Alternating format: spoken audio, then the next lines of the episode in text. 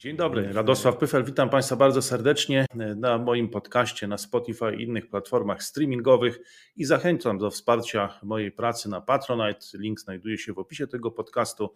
Wspierając mój profil, zyskują Państwo możliwość darmowego oglądania treści z zakresu polityki globalnej, także świata pozaeuropejskiego, Indo-Pacyfiku, Azji Wschodniej, światowej, globalnej gospodarki, a także pól bitewnych Ukrainy i bezpośredniego otoczenia międzynarodowego e, Polski. Bardzo Państwu dziękuję za wsparcie, bardzo dziękuję za zaufanie, bardzo dziękuję też za zrozumienie formuły tego podcastu. Zachęcam również do, do obserwowania e, podcastu na Spotify i pozytywnej, taką przynajmniej mam nadzieję, oceny na Spotify i na wszystkich innych platformach streamingowych. Dziękuję bardzo. Dzień dobry, 20 już dzień stycznia roku pańskiego i na pewno roku pamiętnego 2024. Dzisiaj czas na sobotnie kombo. Witam wszystkich uciekinierów i uciekinierki na cyfrową sicz, którzy e, zbiegli na nią również w trakcie weekendu. A tutaj, proszę Państwa, niestety.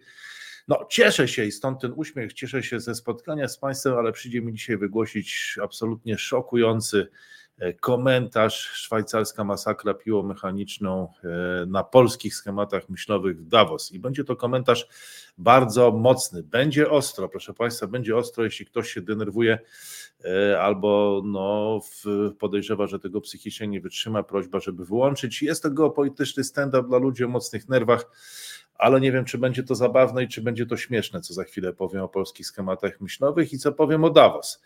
E, potem wydarzenia na świecie, no więc poza Davos Chiny, Japonia, Indie, Bliski Wschód, USA, Rosja, bliskie otoczenie międzynarodowe Polski, trochę Ukrainy. Dzisiaj rezygnuję z wydarzeń krajowych, ale nie rezygnuję, proszę Państwa, z podziękowań, z podziękowań e, dla Was z całego świata, z całej Polski, z całej Europy za wsparcie tego kanału na różne sposoby, poprzez Patronite, YouTube i tradycyjne przelewy i także za zrozumienie formuły tego geopolitycznego stand-upu.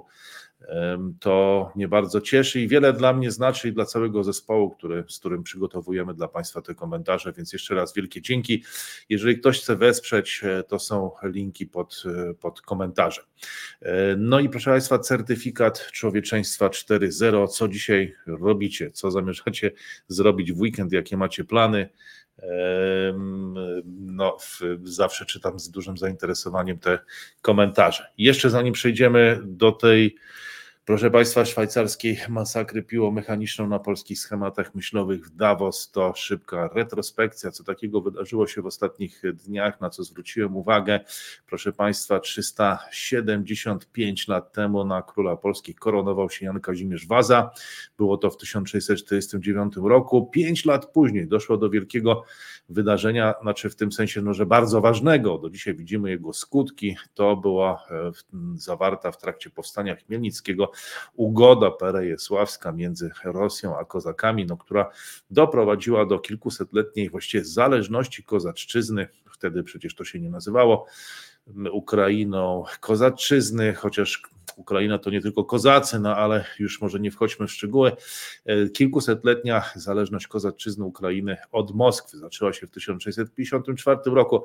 Tak jak Państwo widzicie, ta wojna w tym świecie ruskim dalej trwa. Konsekwencje tej decyzji Chmielnickiego. No, Ukraińcy odczuwają do dzisiaj, próbują może ją zmienić w jakiś sposób. E, no, dyskutujemy o tym, właściwie mam wrażenie, o konsekwencjach tego praktycznie każdego dnia.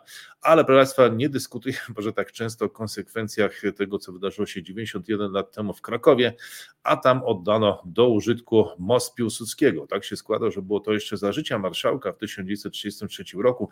Początkowo nazywano go czwartym mostem, dopiero potem stał się mostem e, Piłsudskiego. No dobrze, proszę Państwa, teraz ta przykra sprawa, pewnie już Państwo nie możecie się doczekać. E, napisałem krótką notkę na Twitterze, że będzie komentarz na temat tej przykrej sprawy, proszę Państwa, jakim jest całkowite rozminięcie się tego, co widzimy w Davos, co jest dyskutowane, co przebija się gdzieś do tej globalnej świadomości, a tym, jak my to wszystko interpretujemy, albo właściwie mam wrażenie, że chyba nie zauważamy. I tak, proszę Państwa, stawiając sprawę jasno, no kiedy przysłuchuję się tym wypowiedziom dochodzącym z Davos, no to dochodzę do wniosku, że właśnie dokonano tam masakry, po prostu masakry na polskich schematach myślowych ostatnich ostatnich 30 lat. Śmiałem się w ostatnich może kilkunastu miesiącach, że jesteśmy gitarzystami, którzy biegają we wszystkie kierunki, ale proszę Państwa, no niestety to przestaje być śmieszne, przestaje być śmieszne. Taki był plan, to miał być, to miał być trochę taki kanał na luzie, no trochę miał być kanał satyryczny. Potem próbowałem gdzieś tam tłumaczyć, że to będzie e, nawiązywanie do tradycji Witolda Gombrowicza, Stanisława Barei, Brunona Szulca, ale teraz, proszę Państwa, już naprawdę nie jest mi do śmiechu, bo znam tą agendę, śledzę ją od lat i znam tą agendę globalną, niektórzy mówią, że globalistyczną i widzę, że Polska nie rozumie tego, nie reaguje, jest w jakimś swoim świecie, no tylko zawirowania w polityce e, wewnętrznej, mam wrażenie, i fakt, że jesteśmy skupieni na tych swoich własnych sprawach, kto tam no, już y, dzisiaj nie będę się zajmował polityką krajową, ale kto tam co, już nawet to już nie jest pospolityka, no to jest no, to się dzieją realne rzeczy, no, są wsadzani ludzie do więzienia, no, skazywani, no, wskazywani i wsadzani do więzienia, więc e, to daje nam pewien luksus niezauważania tego, co się dzieje globalnie, przychodzenia nad tym do porządku e, dziennego i ta masakra, proszę Państwa, dokonuje się wszechstronnie, dokonuje się wielopłaszczyznowo, dokonuje się w percepcji każdej z trzech wymiarów, w wymiarze geopolitycznym, technologicznym i społecznym, proszę Państwa, przystępujemy do świata, mając y, kompletnie inne wyobrażenia, jak widać, niż to, co się, się to, o czym mówią globalne elity. No, oczywiście, proszę Państwa, no, w Polsce mam wrażenie, że cały czas się zachowujemy tak, jakbyśmy, nie wiem, nie mieli elit, albo nie mieli państwa, albo byli w XIX wieku i uważali, że elity o czymś decydują, a my swoje i tak y, wiemy. No, tak jakby właśnie, mam wrażenie, że to jest myślenie jakby z pozycji Polaków w XIX wieku, gdzieś tam wówczas przecież rozdartych przez imperia i mieszkających w różnych w ogóle organizmach państwowych. E, no e, właśnie, proszę Państwa, co takiego się dzieje? Moim zdaniem dzieje się zmiana, dochodzi do zmiany nazw, zmiany definicji. Wymienię tylko cztery słowa, proszę Państwa. Demokracja, praworządność, suwerenność, Zachód i globalizacja. No to jednak nie dotrzymałem słowa, wymieniłem pięć słów, ale mam wrażenie, że zmienia się definicja tych słów, że będą one oznaczać już, proszę Państwa, coś innego. Będą miały, będzie miała miejsce zmiana nazw i pojęć. Demokracja, Państwa, ewoluuje pod wpływem e, no, różnego rodzaju nowinek e, technologicznych. Wchodzą partie antyestablishmentowe, nazywane populistycznymi e, to będzie, wyłoni się jakaś nowa forma demokracji. Mm, ona będzie cały czas tak samo nazywana, ale ten ustrój będzie, mam wrażenie, inny niż ten, który e, znamy.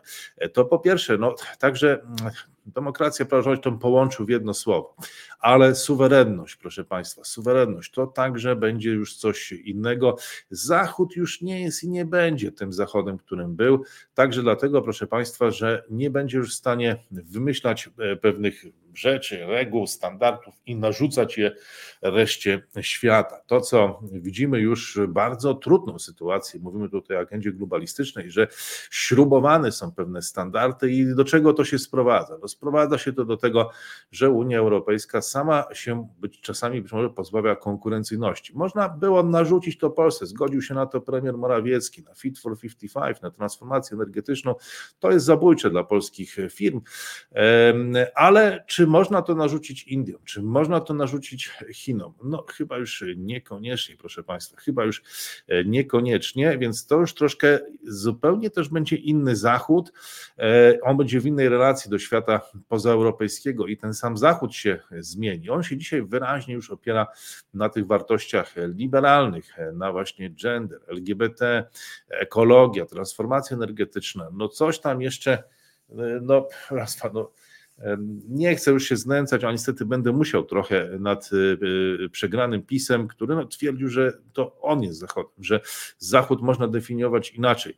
No, nie wiem, czy to, czy to będzie możliwe. Wydaje mi się, że nie, to będzie wywoływało napięcia, bo ta definicja Zachodu będzie inna i będzie inna globalizacja. Proszę Państwa, ona już dzisiaj oznacza coś innego. To już nie będzie ta globalizacja sprzed 2020 roku.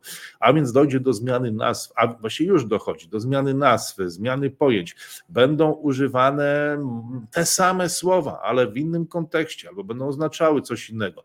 I co to, proszę Państwa, oznacza? I teraz Was zaskoczę, ale taki jest ten kanał, e, taka jest cyfrowa sieć. Proszę Państwa, co mówił Konfucjusz?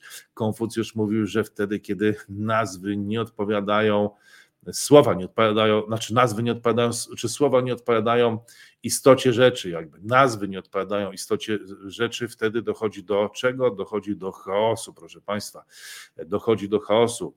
E, ludzie poprzez te same słowa wyobrażają sobie różne rzeczy, no więc, mm, więc to oznacza, czy może oznaczać chaos, to może oznaczać zagubienie, to może oznaczać także, proszę Państwa, agresję na wielką skalę y, całych społeczeństw, narodów, ale także agresję nie tylko tych wykluczonych czy biedniejszych, y, które obserwowaliśmy w Polsce w ostatnich latach. To był przecież triumf y, PiSu. To było, no może nawet nie mówiliśmy o tym, że to agresja, ale to było poczucie krzywdy wywołane transformacją ostatnich kilku dekad, ale to jest nic w porównaniu z tym, co teraz może nadejść, dlatego że zagubieni mogą się poczuć także i ci uprzywilejowani w Polsce. Te, te ten mętlik pojęciowy, te zmiany nazw, to wszystko może wywołać właśnie zagubienie i reakcje mogą być zupełnie agresywne. Zresztą już widzimy, co się dzieje także w Polsce. Nie spodziewaliśmy się tego. Ja mówiłem, że będzie chaos, ale no proszę Państwa, przyznam szczerze, no, nie wiadomo, czy właściwie to będzie chaos i anarchia, bo może się to zakończyć właśnie jakąś nową formą demokracji, tak bym to określił, bo to, że będzie to nazywane demokracją, to co do tego nie mam żadnej e, wątpliwości, natomiast może będzie troszkę to inna e, formuła. To uważam chyba za bardziej prawdopodobny wariant, e, tak na dobrą sprawę. W Polsce przynajmniej wiele wskazuje na to, że w tym kierunku zmierzamy. No ale jeżeli to się nie uda, to co, to będzie prawdopodobnie chaos i anarchia.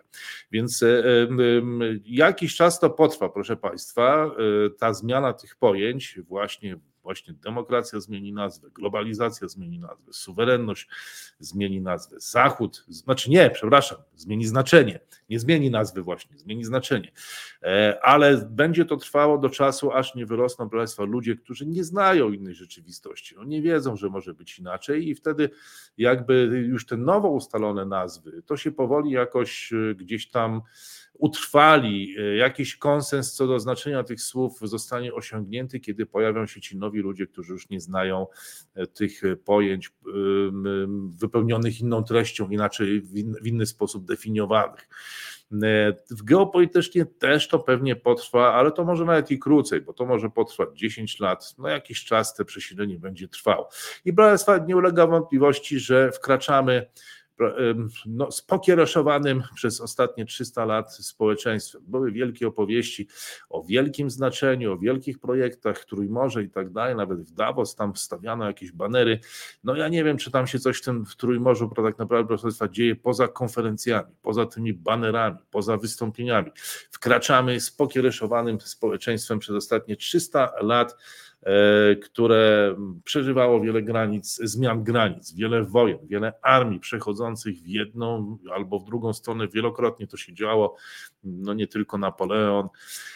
E, nie tylko druga wojna światowa, to proszę Państwa chleb powszedni w tej naszej umiłowanej ojczyźnie, w ogóle w tej regionie e, świata, ale to, co jest wynikiem tego także, to wgraczamy z pewnymi schematami, schematami myślowymi, które zostały, ja wymienię tutaj osiem powodów, czy osiem przykładów, w jaki sposób one zostały zmasakrowane w Davos. Te schematy, Państwa, to istnieją bloki, że te bloki będą nas kończyć, jeżeli będziemy wspierać Ukrainę, jeżeli będziemy wyznawać demokratyczny, liberalny system wartości, e, to to wszystko po prostu się samo załatwi. To będzie stanowić polisę. E, to będziemy Zachodem, to będziemy bronieni. E, no. Hmm, to jeszcze ma jakieś szanse może powodzenia, ale nie jest pewne, nie jest pewne, a już na pewno, proszę Państwa, no nie jest tak, że, jest, że wydawało się, że inny konsens próbował zaproponować PiS, że jesteśmy Zachodem, ale jakąś mamy alternatywną w stosunku do liberalnych wartości propozycję rozwoju, czy funkcjonowania, czy egzystowania w ramach Zachodu, czy kupujemy broń, wspieramy Ukrainę, ale generalnie nie wyznajemy liberalnych wartości. No i skończyło się tym, że PiS został pobity przez wszystkich, przez Ukrainę, przez Niemcy, przez Unię Europejską, przy obojętności Stanów Zjednoczonych. No teraz już widzę, że nawet i one po prostu mm, już mm, no, wspierają w jakiś sposób, bardzo życzliwie podchodzą do tych działań Donalda Tuska. Zapisem nikt się nie wstawia, prezydent Duda za to pada w ramiona prezydenta, prezydenta Zełęskiego, no, który nie chciał się z nim spotkać na forum ONZ, nie słyszałem nic o tym, że rozwiązano problemy w rolnictwie, w logistyce, już nie mówię o tym nieszczęsnym Wołyniu, żeby nie drażnić tutaj księdza, świętej już pamięci księdza Isa Isakowicza Zalewskiego. Nic nie słyszałem o jakiejkolwiek kolajście, ale tu już mamy kolejne pojednanie, kolejny bardzo niezwykle emocjonalny gest, rzucenie się w ramiona. No, proszę Państwa, okej, okay, dobra, to już zostawmy, ale to już nawet nie jest, no, no widać jak to wyglądało pod koniec, nie ma sensu już się do tego odnosić. Natomiast mnie najbardziej zaskakuje, że reakcją na to jest stwierdzenie, że to wojna hybrydowa, którą prowadzi Władimir Putin. No ja mm, no, no, nie wiem, jakbyśmy nie byli w stanie, proszę Państwa, więc by, by, gdzieś to się rozgrywa w naszej wyobraźni, mam wrażenie. Nie jesteśmy w stanie już nawet zobaczyć, że to o coś innego chodzi w tej rozgrywce Mozart, że to po prostu tworzy się nowy świat, tworzy się nowa globalizacja, tworzy się nowa demokracja, tworzą się, tworzy się świat wartości liberalnych, a my jesteśmy w jakiejś wojnie hybrydowej z Putinem i, nie, i po prostu zderzenie z tym światem, bardzo mocne, czy bardzo brutalne, jeszcze będę o nim mówił, postrzegamy jako wojnę hybrydową z Władimirem Putinem. No, przyznam szczerze, że e, to im, może imponować Ukraina, która rozpoznaje to. No, Oczywiście koszt, jaki płaci, jest ogromny, ale ona nie może sobie pozwolić na jakiś luk, znaczy luksus. Nie wiem, czy to jest luksus, bo tak patrzę na to, czy z tego wynikają jakieś korzyści dla nas. No na razie wynikają takie, że jest stabilność, nie ma zniszczeń, śmierci, utraty zdrowia, tego wielkiego kosztu. No, ale żeby po prostu, proszę Państwa, ten rachunek za brak sprawczości, a nie ma mowy o sprawczości, kiedy jest się w postpolitycznej bańce, żeby on nie został wystawiony. Ale to na razie zostawmy może już e, tą przeszłość, bo teraz mamy nowy rząd, on się co prawda zajmuje czym innym. Nie ma, może zastanawia się również nad tymi sprawami. Zobaczymy. Pytanie jest, ile w Polsce potrwa no, ta wojna i jakby elit i tutaj ustawianie tego, tego, tej nowej sytuacji, wtedy będzie można dopiero tak na dobrą sprawę ocenić.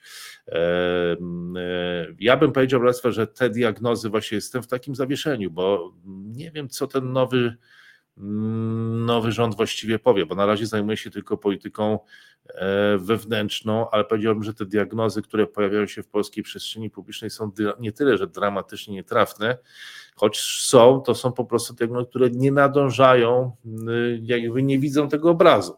Ja mogę się tu denerwować, albo mogę Państwa denerwować, bo ja to właściwie, proszę Państwa, aż tak bardzo zestresowany tym nie jestem, widzę to, natomiast zestresowany jestem tym, czy zdenerwowany, że nie widzę żadnej reakcji, że jest różowy słoń, który zajmuje, proszę Państwa, już pół salonu, a tymczasem yy, wszyscy dyskutują o jakichś yy, postaciach, które schowały się w łazience. Yy, tak bym to, yy, taką może, meta, takiej metafory może bym użył. Yy, globalizacja nowego typu, na czym polega? Proszę Państwa, transformacja energetyczna.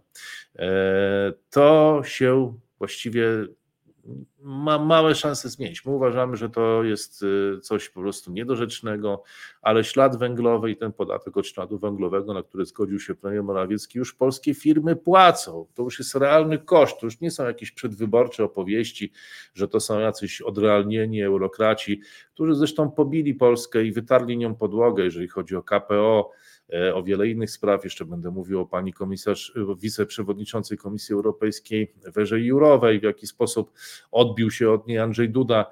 Transformacja energetyczna, proszę Państwa, to jest coś, co się dzieje. No możemy uważać i tak uważamy, i większość tak uważa, że to jest jakiś wymysł, że to jest jakaś patologia, że to się nie ma prawa wydarzyć, że to głupota, ale to się dzieje i będą po prostu realne środki pieniężne, e, realne koszty, realne zmiany w układach, w łańcuchach dostaw, to się wszystko będzie działo. Moim zdaniem dużo większym problemem jest to, w jaki sposób Europa, czyli my, w jaki sposób ułożymy się z Azją.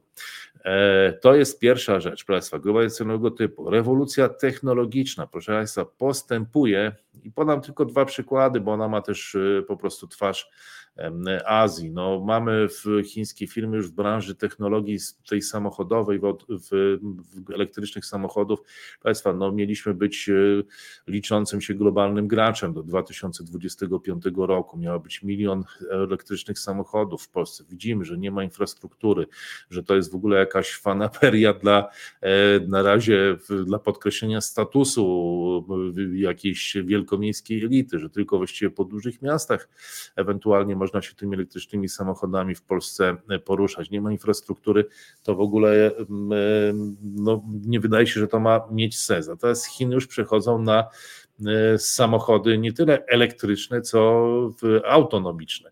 To już jest wchodzenie na kolejny poziom, a w, nie widzimy tego też troszkę z Polski, ale mamy naj, największego producenta samochodów elektrycznych.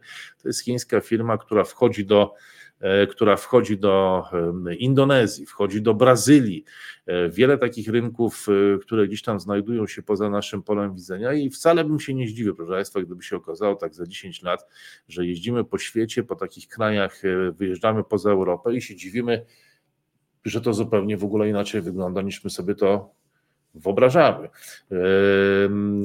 Więc, więc właśnie, więc to jest jakby jeden, jedna rzecz.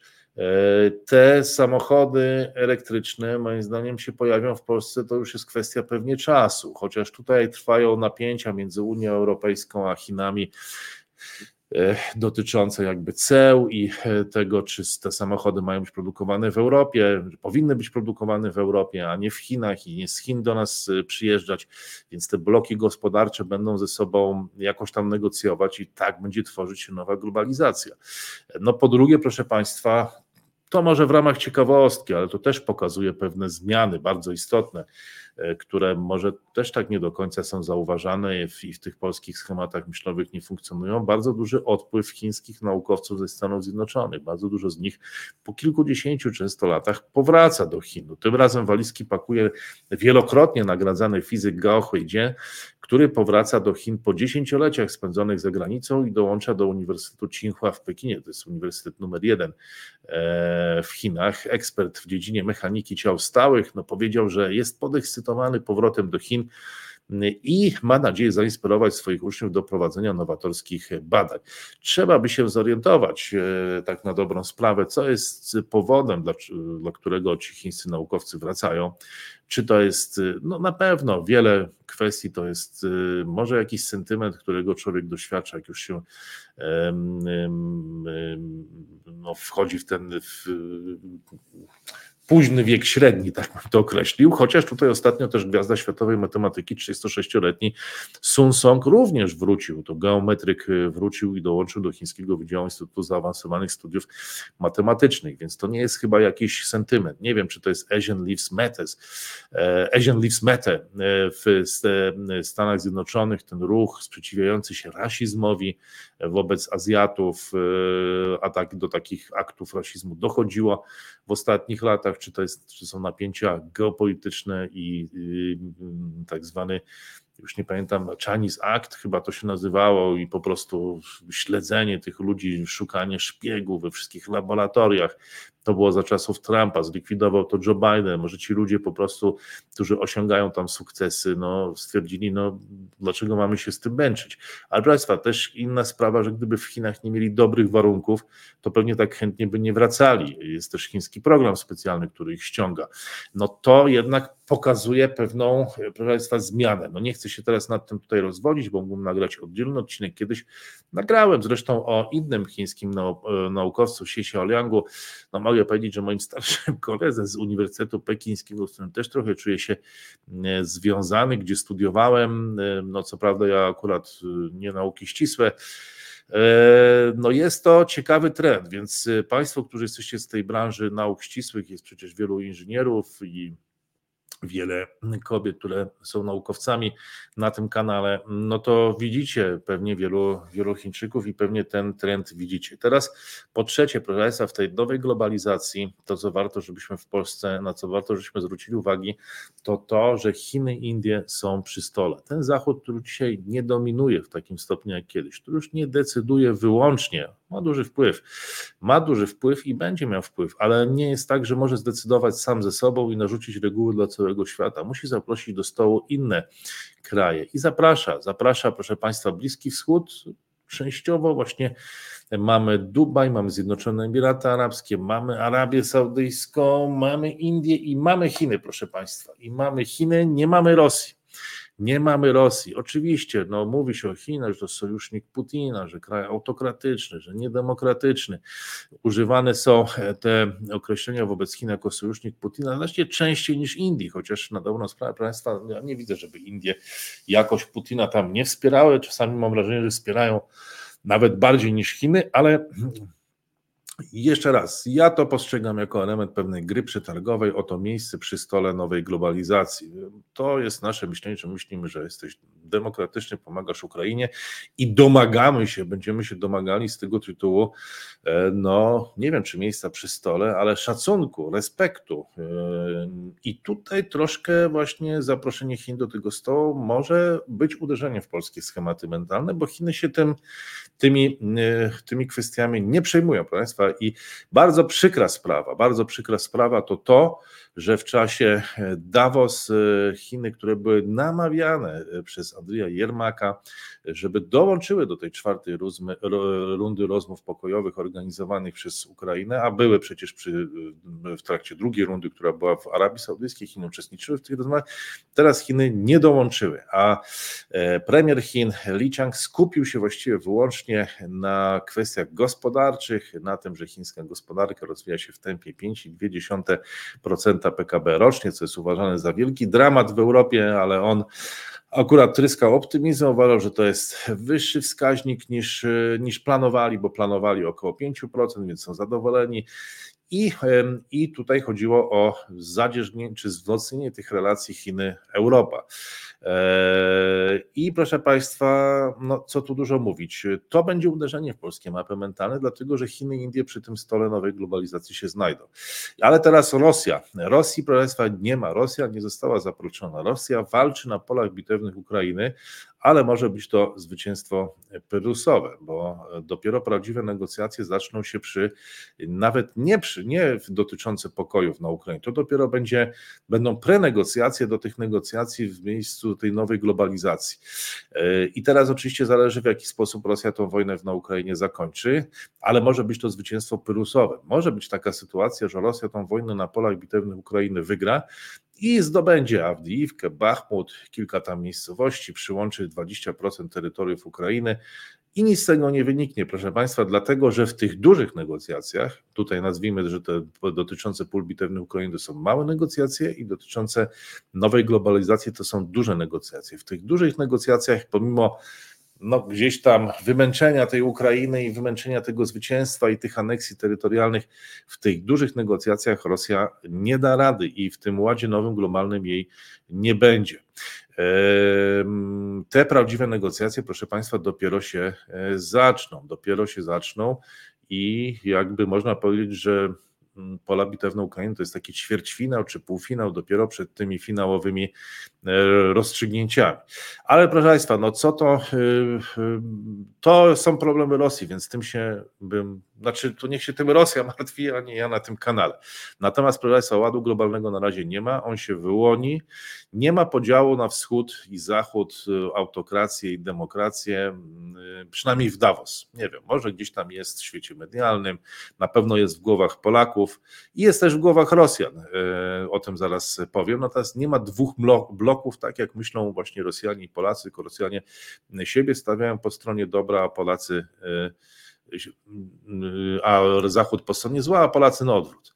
I jest tym coś przerażającego. Proszę Państwa, teraz troszkę znowu będę narzekał, że Rosjanie są w stanie narzucić nam ten rodzaj myślenia bipolarnego i też społeczeństwo tak to w Polsce przyjmuje, bo to może oznaczać dwie rzeczy. E, e, będą tutaj dwie szokujące i denerwujące konkluzje, z którymi możecie się Państwo nie zgodzić. No, jestem nie tylko Wam wdzięczny za wsparcie tego kanału, ale też za liczne ciekawe komentarze.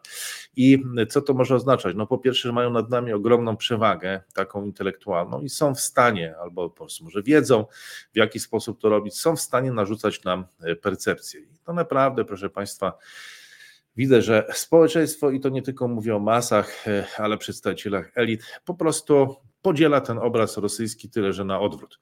Czyli są dwa bloki. Rosja jest y, jednym z właściwie liderem chyba w tego bloku e, antyzachodniego, który jest spójny, jest zjednoczony.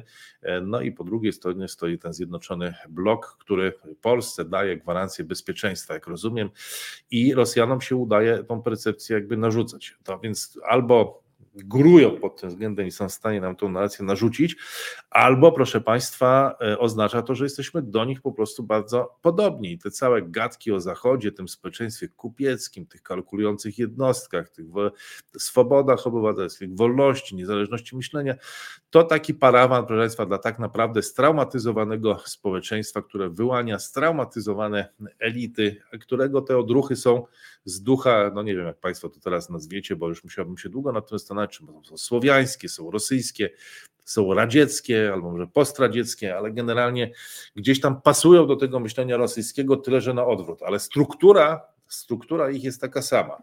I to, i ponieważ ta struktura jest taka, to ona nie pozwala zauważyć tych wszystkich niuansów, ona to wszystko upraszcza do jakiegoś myślenia takiego blokowego i nie widzi w ogóle tego, co tam się na horyzoncie dzieje. Mogą ludzie wychodzić nawet na tych panelach w Davos i, i, i nawet możemy zobaczyć ten skład tych paneli, zobaczyć, co mówią, i będziemy, i po prostu ten program w naszej głowie będzie to odrzucał, e, będzie to odrzucał.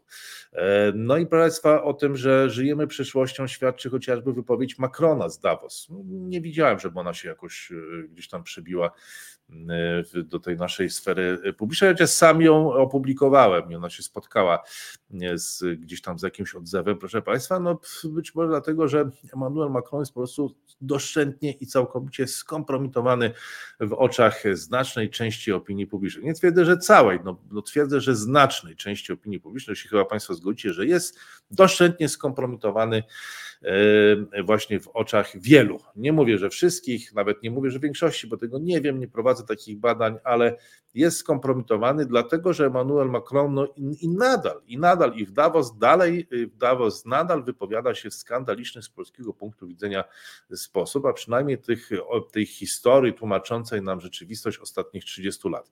I w swoim przemówieniu w Davos Macron wezwał, proszę Państwa, do deeskalacji napięć między Chinami a USA, stwierdzając, że popiera strategię zmniejszania ryzyka. No jest to skandaliczna wypowiedź, bo przecież jest wojna wschodu z zachodem, więc co on tutaj się Y, ustawia w roli jakiegoś, nie wiem, arbitra, kogoś, kto będzie teraz tutaj deeskalował napięcie. No przecież jest zimna wojna, więc tutaj chyba jest jasna, oczywista sprawa, że po jednej stronie są Chiny, Rosja, Indie to jest jakiś problem, tam jest jeszcze Iran, Korea Północna, a tutaj Macron wychodzi i mówi, że będzie deeskalował napięcie. To jest skandaliczne, proszę Państwa. I jeszcze francuski prezydent do tego potrzebał, podkreślał potrzebę zmniejszenia przez Unię Europejską zależności i teraz y, wygodnie usiądźcie w krzesłach, bo możecie z tych krzeseł spaść. E, potrzeba zmniejszenia przez Unię Europejską zależności od obu głównych mocarstw, w tym USA. No to się może wydawać z perspektywy Polski no zupełnie, kompletnie niezrozumiałe, jeśli właśnie nie skandaliczne. No jak to? No, z, z, oczywiste, że z, no, zmniejszanie zależności od Chin to jak najbardziej tak, a właściwie to chyba nawet już całkowite zerwanie tu powinno nastąpić, decoupling. A wychodzi Macron i mówi, że to samo musi dotyczyć również e, Stanów Zjednoczonych, że Europa musi rozluźnić te relacje. Rozluźnić relacje ze Stanami Zjednoczonymi. Wyobraźcie sobie to Państwo? Czy zmniejszyć zależności? No, a jesteśmy jednak wspólnie w tej Unii Europejskiej. E, I teraz, proszę Państwa, e, no już po abstrahu od tego tam się znalazły jeszcze propozycje pogłębienia Unii rynków kapitałowych i większej liczby inwestycji skierowanych do Europy.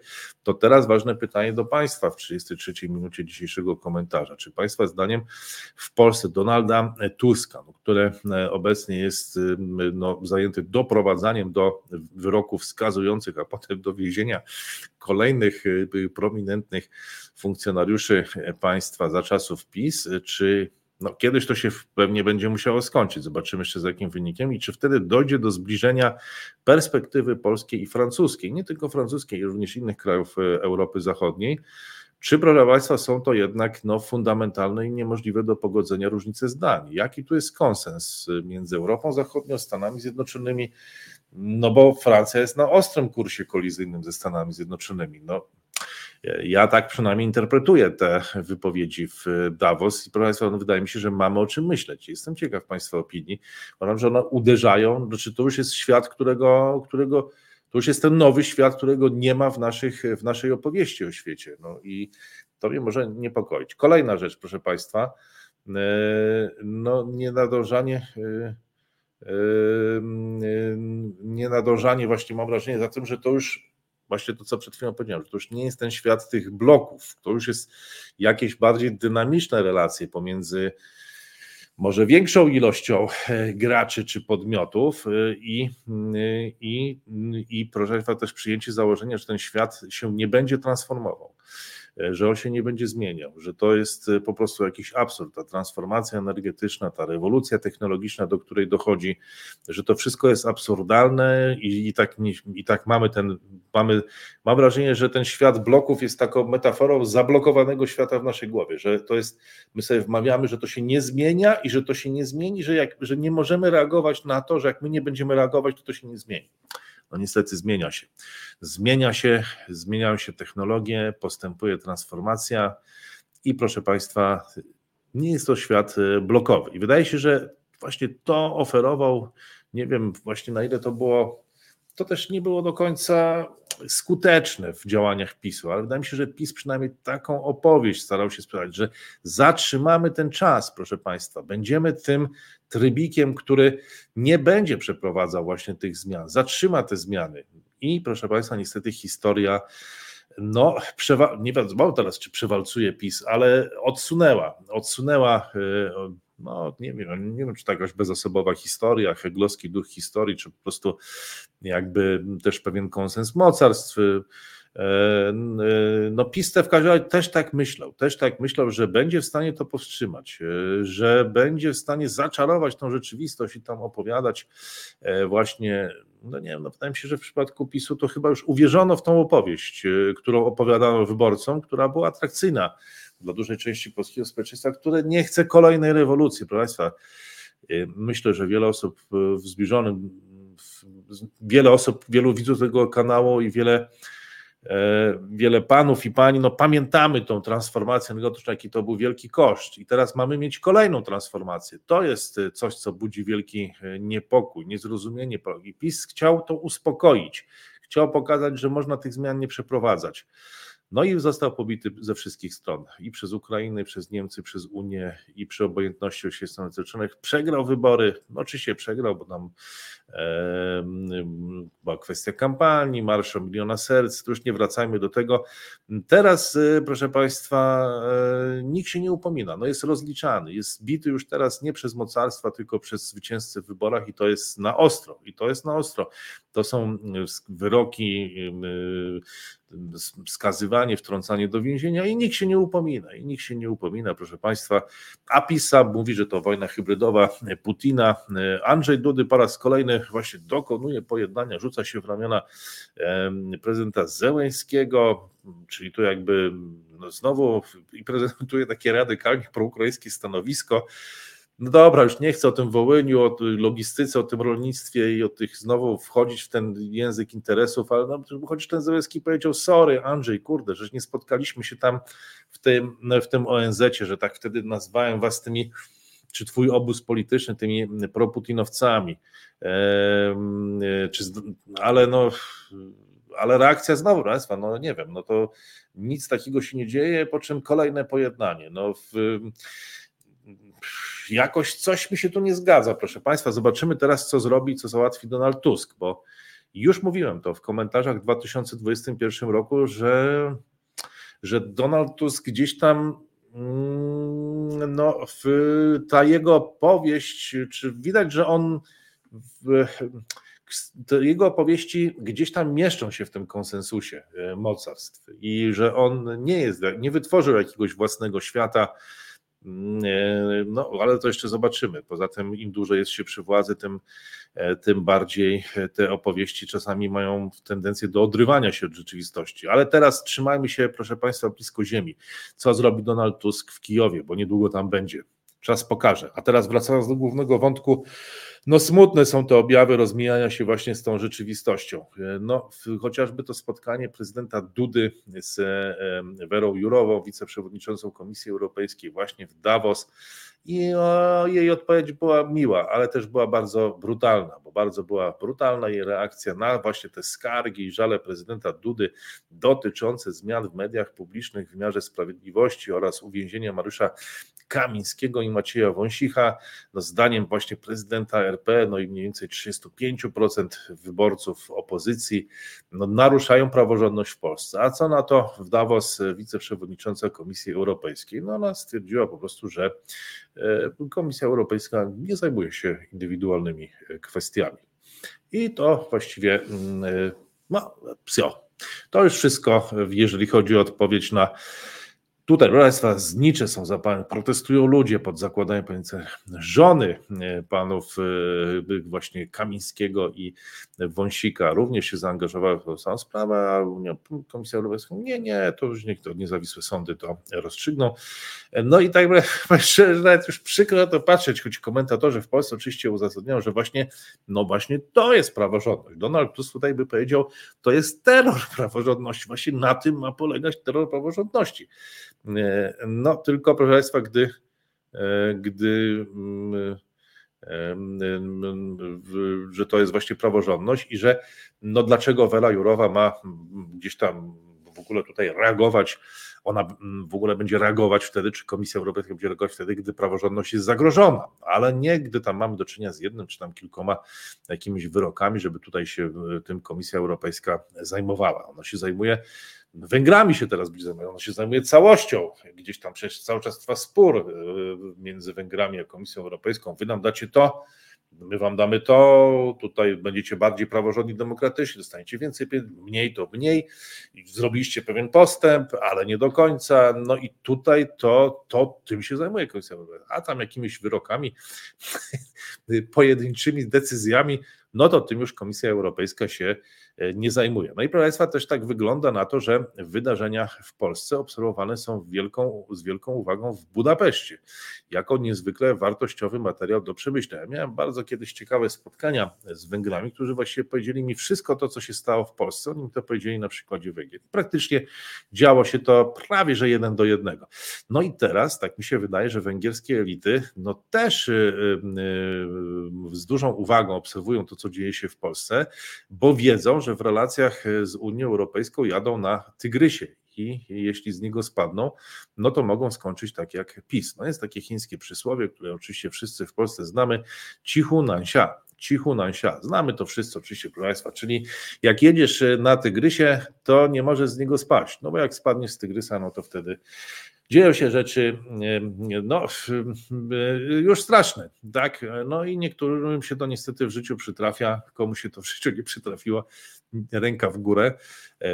No, teraz wygląda na to, że troszkę się to chyba przytrafiło Prawo i Sprawiedliwości, że jeszcze kilka miesięcy temu, no to był udział we władzy, a za chwilę no to już jest, to już jest zupełnie, zupełnie inne problemy.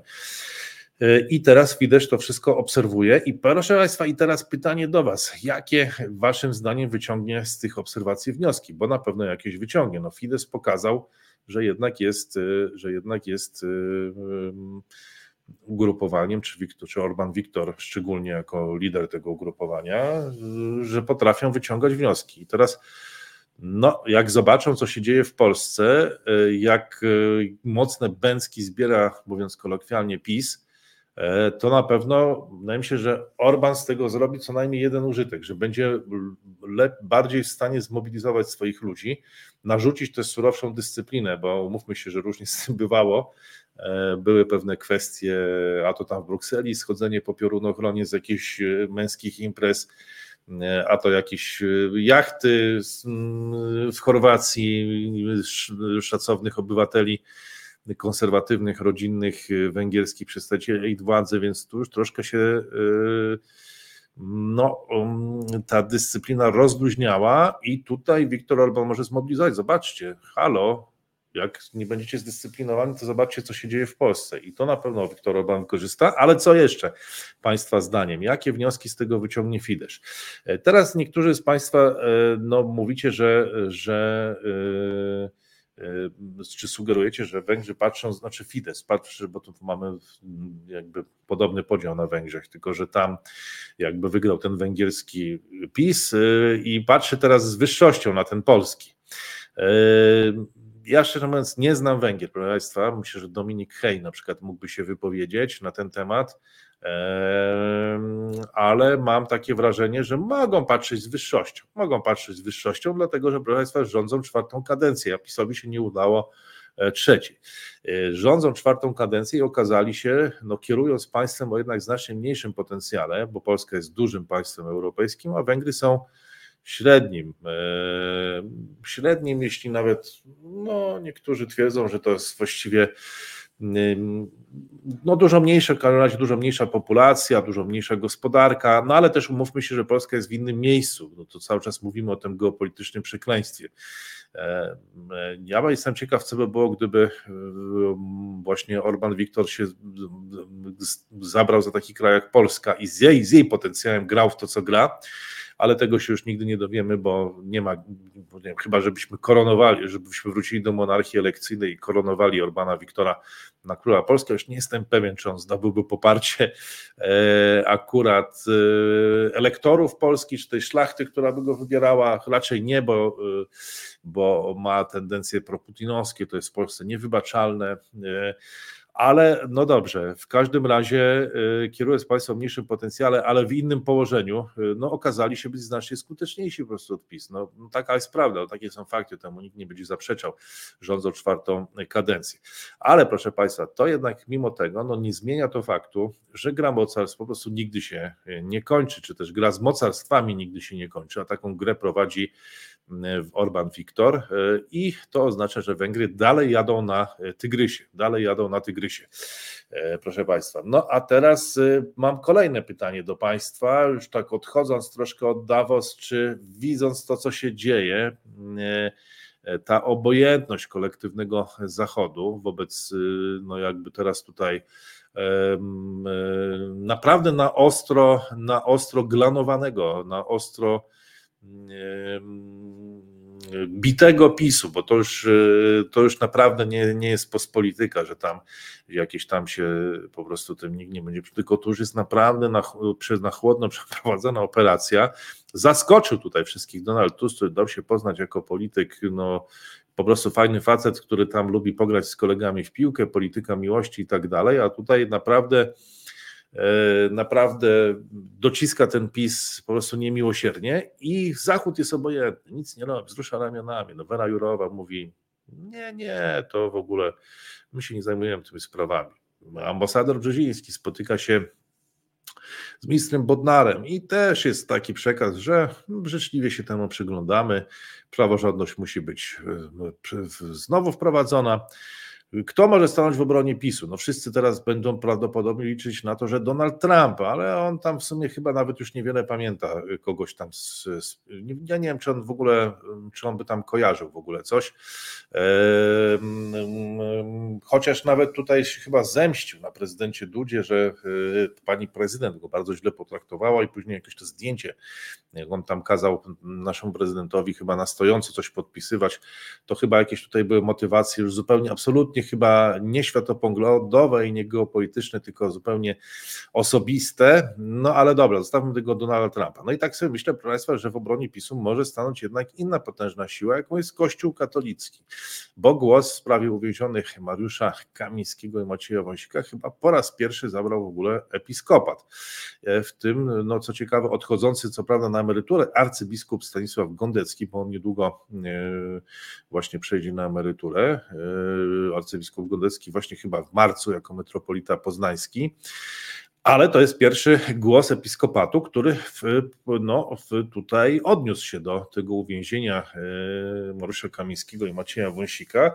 I teraz, czy Państwa zdaniem, no to wejście jednak w Polsce tradycyjnie wpływowego i cieszącego się autorytetem wśród wielu Polaków, no Kościoła złagodzi temperaturę sporu politycznego w Polsce, że Donald Tusk już teraz na ostro, mając poparcie Zachodu, no na ostro jedzie z pisem, tak? Na ostro, po prostu nie przejmując się niczym. No ale teraz Kościół powie, no słuchajcie, nie, nie, no uspokójcie się. No i czy to, czy to będzie miało jakiś efekt, czy właśnie może wręcz przeciwnie, jeszcze teraz podgrzeje zarówno ten spór PiS-antyPiS, y, ale do tego jeszcze podgrzeje wojnę kulturową, że no oburzą się, nie wiem, młode kobiety, może właśnie ten elektorat lewicowy i co wy się tutaj wtrącacie do polityki i będzie po prostu jeszcze mocnie, mocniejsze uderzenie w PiS, a do tego jeszcze wojna kulturowa. I to jest może pierwszy jakby wariant, czy też może Kościół katolicki sprytnie złagodzi tą wojnę kulturową, powstrzymując wiele z rewolucyjnych inicjatyw lewicy, a dogada się na przykład, y, osiągnie jakieś porozumienie no, z katolikami z koalicji obywatelskiej, czy z tego obozu, no, który teraz będzie no, niszczył y, PiS, na przykład Roman Giertych. Tak? No, nie, no, no, na pewno nie można powiedzieć, że Roman Giertych jest zwolennikiem PiSu, a też można powiedzieć, że jest y, przedstawicielem no, katolików, tak? I teraz tacy okazuje się, że też są w tym obozie antypis, no i teraz Kościół może się jakoś dogada z częścią y, z nich i mm, będzie, no właśnie nie wiem, czy ta wojna kulturowa będzie złagodzona, czy wojna kulturowa będzie złagodzona, a może a wtedy może już PiS zostanie zupełnie, yy, zupełnie sam, czy jednak Kościół stwierdzi, że bronimy PiSu, bo bronimy no, wartości, bronimy katolicyzmu polskiego, utożsamiamy go z prawem i sprawiedliwością. Yy, bo yy, Donald Tusk, no to jest agenda liberalna, agenda europejska, lewicowo-liberalna więc to jest i wojna kulturowa, i wojna PiS-antyPiS. Wtedy, proszę bo, no, myślę, że chaos może być, e, czy może chaos, no nie, może już nie chcę tak straszyć, ale, ale ta temperatura sporu może być jeszcze wyższa, bo, bo, bo, bo to nie będzie tylko kwestia wojny elit o dostęp do państwa czy o pewną wizję, ale to już będzie wojna, na którą się nałoży jeszcze kwestia no, katolicyzmu i liberalizmu. Tutaj myślę, że będzie miał duży zgryz Donald Tusk, jak to rozegrać, bo z jednej strony ma Romana Giertycha i jakiś katolików, myślę, że Szymona Hołownię być może trochę też, a z drugiej strony ma no, ostro, e, mocne skrzydło lewicowe, bez którego tak naprawdę nie ma większości, bo, bo to jest 20 e, mandatów, tam ponad już partia Razem co prawda zrezygnowała, i to uderzanie w PiS no, cementuje ten obóz, ale ciekaw jestem jak długo, jak długo ono będzie trwało, jak długo będzie cementować. No, rozgrywka, proszę Państwa, tak od Davos przeszliśmy do tych kwestii polskich. Tu jestem ciekaw Państwa opinii. No i kończymy, proszę Państwa, tą część refleksyjną. Jeśli chcecie jeszcze zostać na część poświęconą polityce międzynarodowej, to serdecznie zapraszam. Bardzo dziękuję za wsparcie, proszę Państwa, z całego świata, z całej Europy, z całej Polski. Bardzo jest mi miło, to mnie nas bardzo motywuje. Więc jeżeli ktoś padnie na taki pomysł, to to będę się bardzo cieszył. Linki są pod tym filmem. To naprawdę mm, dużo dla nas znaczy i bardzo nam pomaga, uwierzcie. E, a teraz przechodzimy do wydarzeń z polityki, e, z polityki światowej, e, dotyczącej polityki światowej. I proszę Państwa, zaczynamy od Davos i zaczynamy od Indii i Chin. Indie i Chiny są na kursie kolizyjnym, proszę Państwa, więc ten świat no, antyzachodu, taki znowu mm, spoisty też czy spójny nie jest, Indie mogłyby złagodzić wzmożoną kontrolę chińskich inwestycji, jeśli granica obu krajów pozostałaby spokojna, oznajmił najwyższy rangą indyjski urzędnik do spraw polityki przemysłowej Rajesh Kumar Singh podczas dorocznego spotkania Światowego Forum Ekonomicznego. A w tym tygodniu Chiny wróciły do Davos z pełną mocą, próbując odświeżyć relacje ze społecznością międzynarodową i pozyskać nowe inwestycje po latach zastojów związanych z COVID. No, proszę Państwa, w Chinach jest tyle formalności przy wypełnianiu różnego rodzaju rzeczy teraz, czy dokumentów, e, że to myślę, że będzie dosyć, dosyć trudne, ale premier Li Qiang dużo mówił o, e, dużo mówił o tych dobrych relacjach z państwami europejskimi i była wizyta i w Irlandii i spotkanie również z panią prezydent Szwajcarii. Szwajcaria to pewnie Państwo wiecie, ma podpisaną umowę o wolnym handlu z Chinami od 2013 roku i teraz ta umowa wejdzie jeszcze na wyższy poziom, to uzgodniono. E, szacuje się, że to była jedna z największych delegacji właśnie chińskich teraz w Davos, największa w każdym razie od 2017 roku, kiedy tam Xi Jinping poprowadził 80-osobową delegację i mówił o tym, że Chiny będą bronić globalizacji. To Stany Zjednoczone zostały wtedy przedstawione, czy Donald Trump jako siła, która będzie deglobalizować. Takie są paradoksy, proszę Państwa. No ale tutaj dosyć hmm, taka cierpka pod adresem Chin wypowiedź Kevina Ruda. No to jest jednak człowiek, który się na Chinach zna E, zna też dobrze, dobrze, nawet bardzo dobrze język chiński, bo słyszałem, jak mówi, jak się wypowiada, były premier Australii Kemi Rudd, który teraz jest ambasadorem Australii w Stanach Zjednoczonych i Chiny nie będą w najbliższym czasie odgrywać roli mediacyjnej między Rosją a Ukrainą, powiedział właśnie Kevin Rudd, ponieważ priorytetem Pekinu pozostaje utrzymanie stabilnego sojuszu z Moskwą. Jeśli Xi Jinping patrzy na świat, to patrzy na Rosję. Widzi sąsiednie państwo, ogromną wspólną granicę, z którą mają na napięte stosunki od czasu rozłamu chińsko-sowieckiego w 1959 roku. No to błąd. Tutaj się chyba Kevin Rudd albo Politico, bo to był ekskluzywny wywiad dla Politico, właśnie udzielony w Davos. Polityko się pomyliło, albo Kevin Rudd, bo to są te napięte relacje chińsko-sowieckie są od 1969 roku. My to w Polsce wszyscy znamy bardzo dobrze od tego dowcipu nad rzeką Usuri, jak to traktor odpowiedział ogniem e, e, na atakującego tam e, jakieś helikoptery czy samoloty, które leciały. Ten rolnik, który tam na tym traktorze siedział, odpowiedział ogniem. Więc my to wszystko znamy.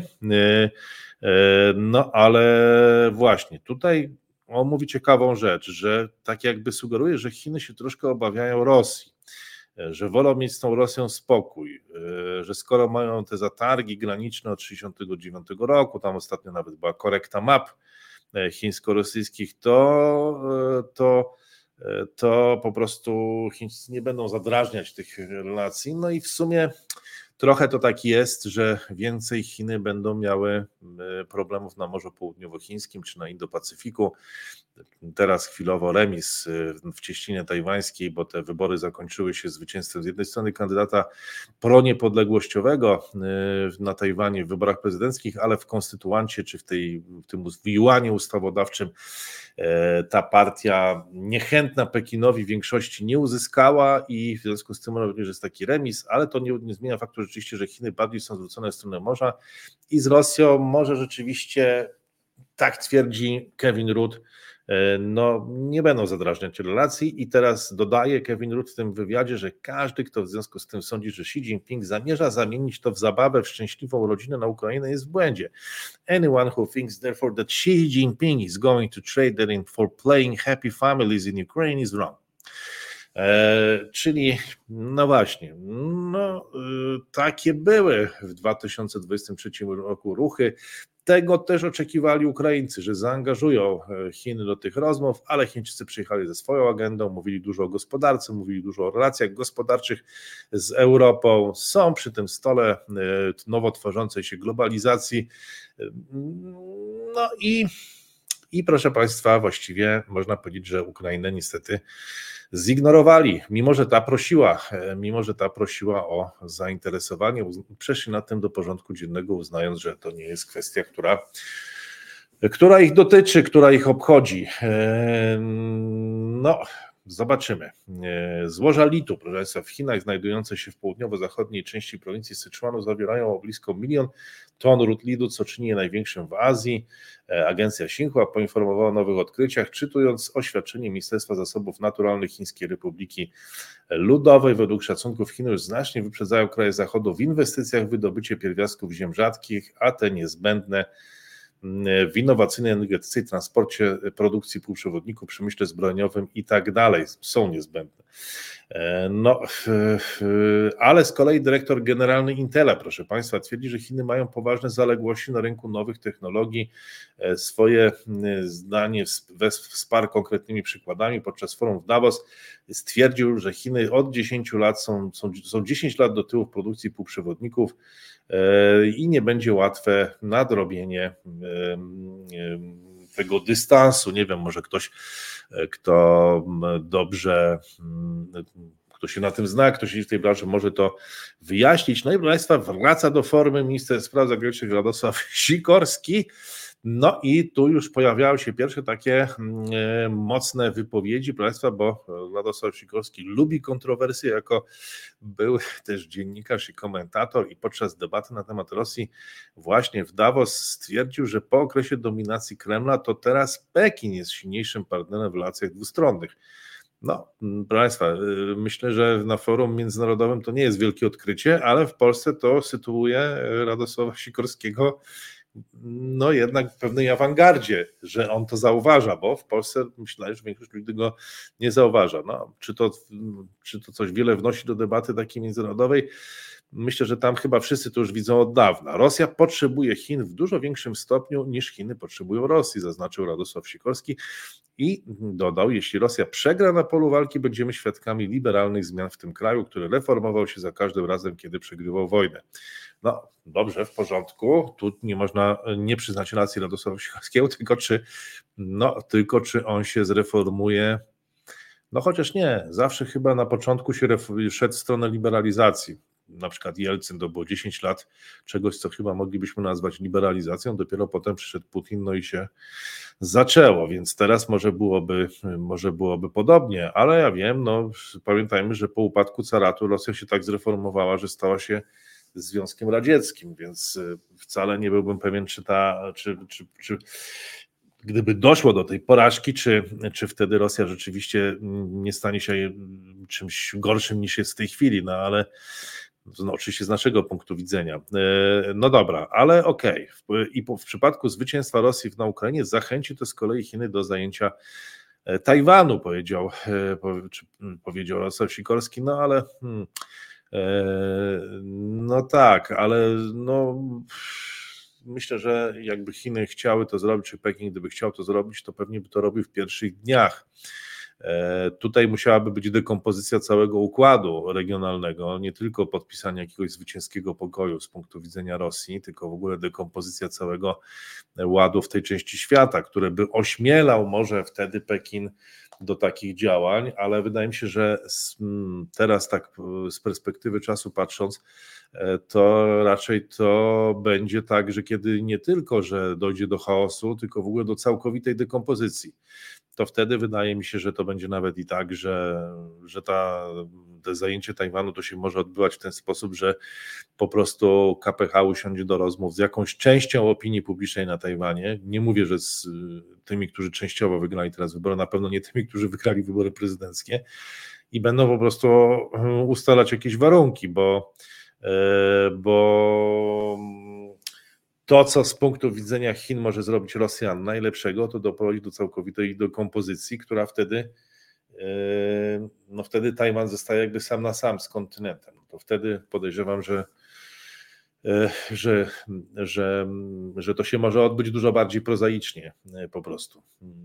I może raczej, no nie wiem, no wszyscy cały czas dyskutują o tych blokadach, o tych atakach, o tych inwazjach no ja myślę, że to jest ostateczny jakiś e, scenariusz, bardzo mało prawdopodobny. No tak myślę, że poniżej 10%, ale no niewykluczone, że tak się wydarzy. Jeszcze raz może zacytuję chirurga Kołędże, e, tego e, szefa tajwańskiej partii ludu, który mówi, że nie możemy wykluczać, że to jest racjonalnie, to zupełnie nie ma sensu, ale przecież nieracjonalność zawsze odgrywała dużą rolę, zwłaszcza w takich hierarchicznych, autorytarnych systemach. No i teraz, proszę Państwa, powoli przechodzimy do tych kwestii takich społecznych, bo akurat mało miejsca poświęciłem tej rewolucji społecznej.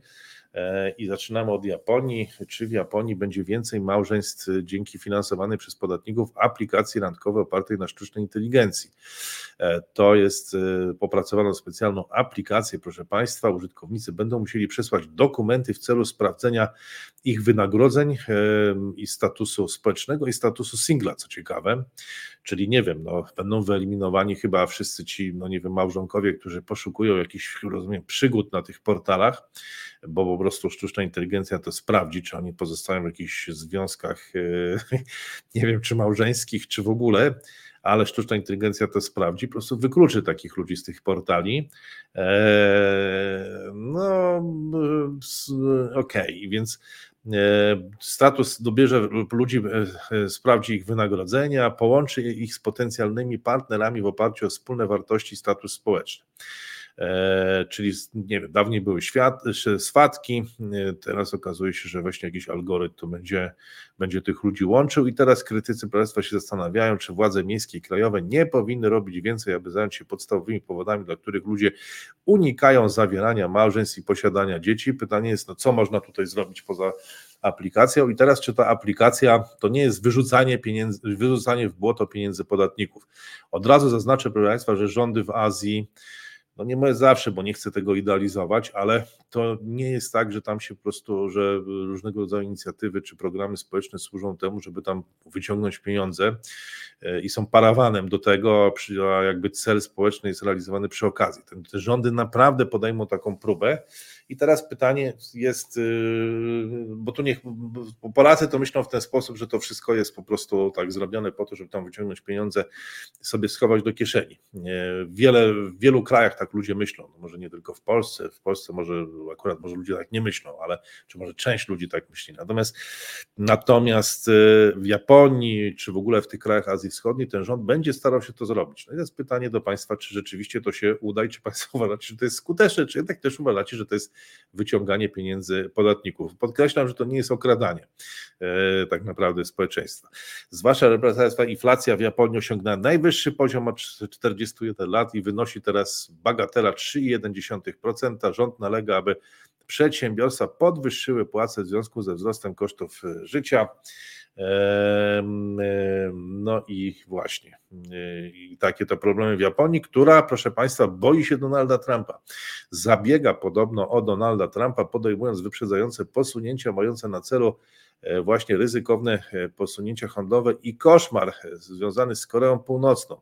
Tokio obawia się, że w przypadku reelekcja, ta właściwie no, wygląda na to, że jeżeli Trump wystartuje w tych wyborach, to je wygra i wtedy mógłby ponownie wprowadzić cła wobec sojuszników Stanów Zjednoczonych, a do tego, do tego no tutaj jeszcze Japończycy się bardzo obawiają, że Trump e, czuje jakąś chemię do, no chociaż on go wystawił, no przywódca Korei Północnej Kim Jong-un, no a to może być groźne i niebezpieczne e, dla Japonii. I tu Japończycy już się zastanawiają, co zrobić. No nie wiem, czy może w Polsce się ktoś zastanawiał, a może się zastanawiają już, e, co zrobić bo to wydaje mi się, że wtedy cały konsens liberalny, którego czempionem, którego czempionem, co zapowiadałem w 2021 roku, mówiąc o powrocie Donalda Tuska w kontekście geopolitycznym, możecie Państwo odsłuchać taki komentarz. I czempionem tego układu liberalnego no jest dzisiaj Donald Tusk, ale jeżeli drugi Donald, ten z, z Waszyngtonu, wygra wybory, to ten konsens zacznie się sypać i wtedy no, znowu, proszę Państwa, no znowu Polska jest czempionem E, konsensusu, który zaczyna ulegać erozji. No ale dobra, wróćmy do Japonii. Japońscy inwestorzy chcą, aby Chiny wznowiły ruch bezwizowy na najważniejszym dla nich rynku. Od zeszłego roku Chiny złagodziły niektóre wymogi dotyczące wejścia na rynek, ale japońscy inwestorzy zostali pozostawieni na lodzie, co kosztowało ich szansę na rozszerzenie działalności w Chinach. I tutaj ankiety Japońskiej Izby Handlowej pokazują, że konieczne są działania na rzecz wznowienia bezwizowego wjazdu do Chin. No Chiny niby chcą się otwierać, a a właśnie okazuje się, że jest problem z przyznaniem tego ruchu bezwizowego. Więc to jest ten dylemat, wielki dylemat, przed którym stoją Chiny. Jak pozostać otwartym teraz? Ech, czy jak się otwierać, a jednocześnie no, w, utrzymywać, no właśnie nie wiem co, no w, z, jakąś kontrolę, tak? Bo to jest kontrola i otwarcie. Otwarcie jest potrzebne, a, ale jakby chęć kontroli jest jeszcze większa. I proszę Państwa, nie skończyło się wraz z remisem na Tajwanie, jeżeli chodzi o Azję. Ja, no i nie skończy się pewnie, będziemy długo o tym kontynencie jeszcze tutaj rozprawiać. Japonia podpisuje umowę ze Stanami Zjednoczonymi na zakup 400 rakiet manewrujących Tomahawk czytam po polsku ten Tomahawk, tak, w ramach rozwoju militarnego w odpowiedzi na zwiększone zagrożenia regionalne rząd premiera Fumio Kishida zobowiązał się no, podwoić swoje roczne wydatki na obronność do 68 miliardów dolarów. Proszę to są jakieś potworne pieniądze do 2027 roku, co uczyniłoby Japonię trzecim pod względem wielkości wydatków na wojsko krajem na świecie po USA i Chinach. Eee, no właśnie, proszę Państwa, Japonia także zamierza zostać piątym krajem, który E, wysłał dzisiaj statek kosmiczny na Księżyc i podejmuje próbę precyzyjnego lądowania, co stanowiłoby impuls dla programu kosmicznego, który przeszedł falę niepowodzeń i został przyćmiony przez Chiny. Te cztery kraje, które wylądowały na Księżycu poza Japonią, gdyby się to udało, to oczywiście USA, Związek Radziecki, Chiny i Indie. No i teraz miałyby dołączyć do tego, do tego e, Japonia. Dołączyć miałby do tego kraj kwitnącej wieści. Stany Zjednoczone i Japonia zbadają opłacalność wykorzystywania japońskich stoczni do remontów okrętów wojennych amerykańskiej marynarki wojennej patrolujących wody Azji Wschodniej, powiedział ambasador USA w Japonii Ram Emanuel w bazie morskiej Yokosuoka pod Tokio. No pewnie nie spodoba się to Chińczykom, i nic dziwnego, skoro Amerykanie chcą się tak zadomowić tam w tym rejonie, że nawet będą w, gdzieś tam się z, remontować w Japonii, zamiast wracać, jak rozumiem, przez cały ocean. No właśnie, nie wiem, czy po drodze gdzieś tego się nie można, nie można wyremontować. Remonty w Japonii mogłyby pomóc Stanom Zjednoczonym w utrzymaniu większej liczby swoich okrętów w gotowości bojowej w Azji Wschodniej. No ciekawe, proszę Państwa. I teraz, e, i teraz, e, i teraz Chiny. I teraz e, Chiny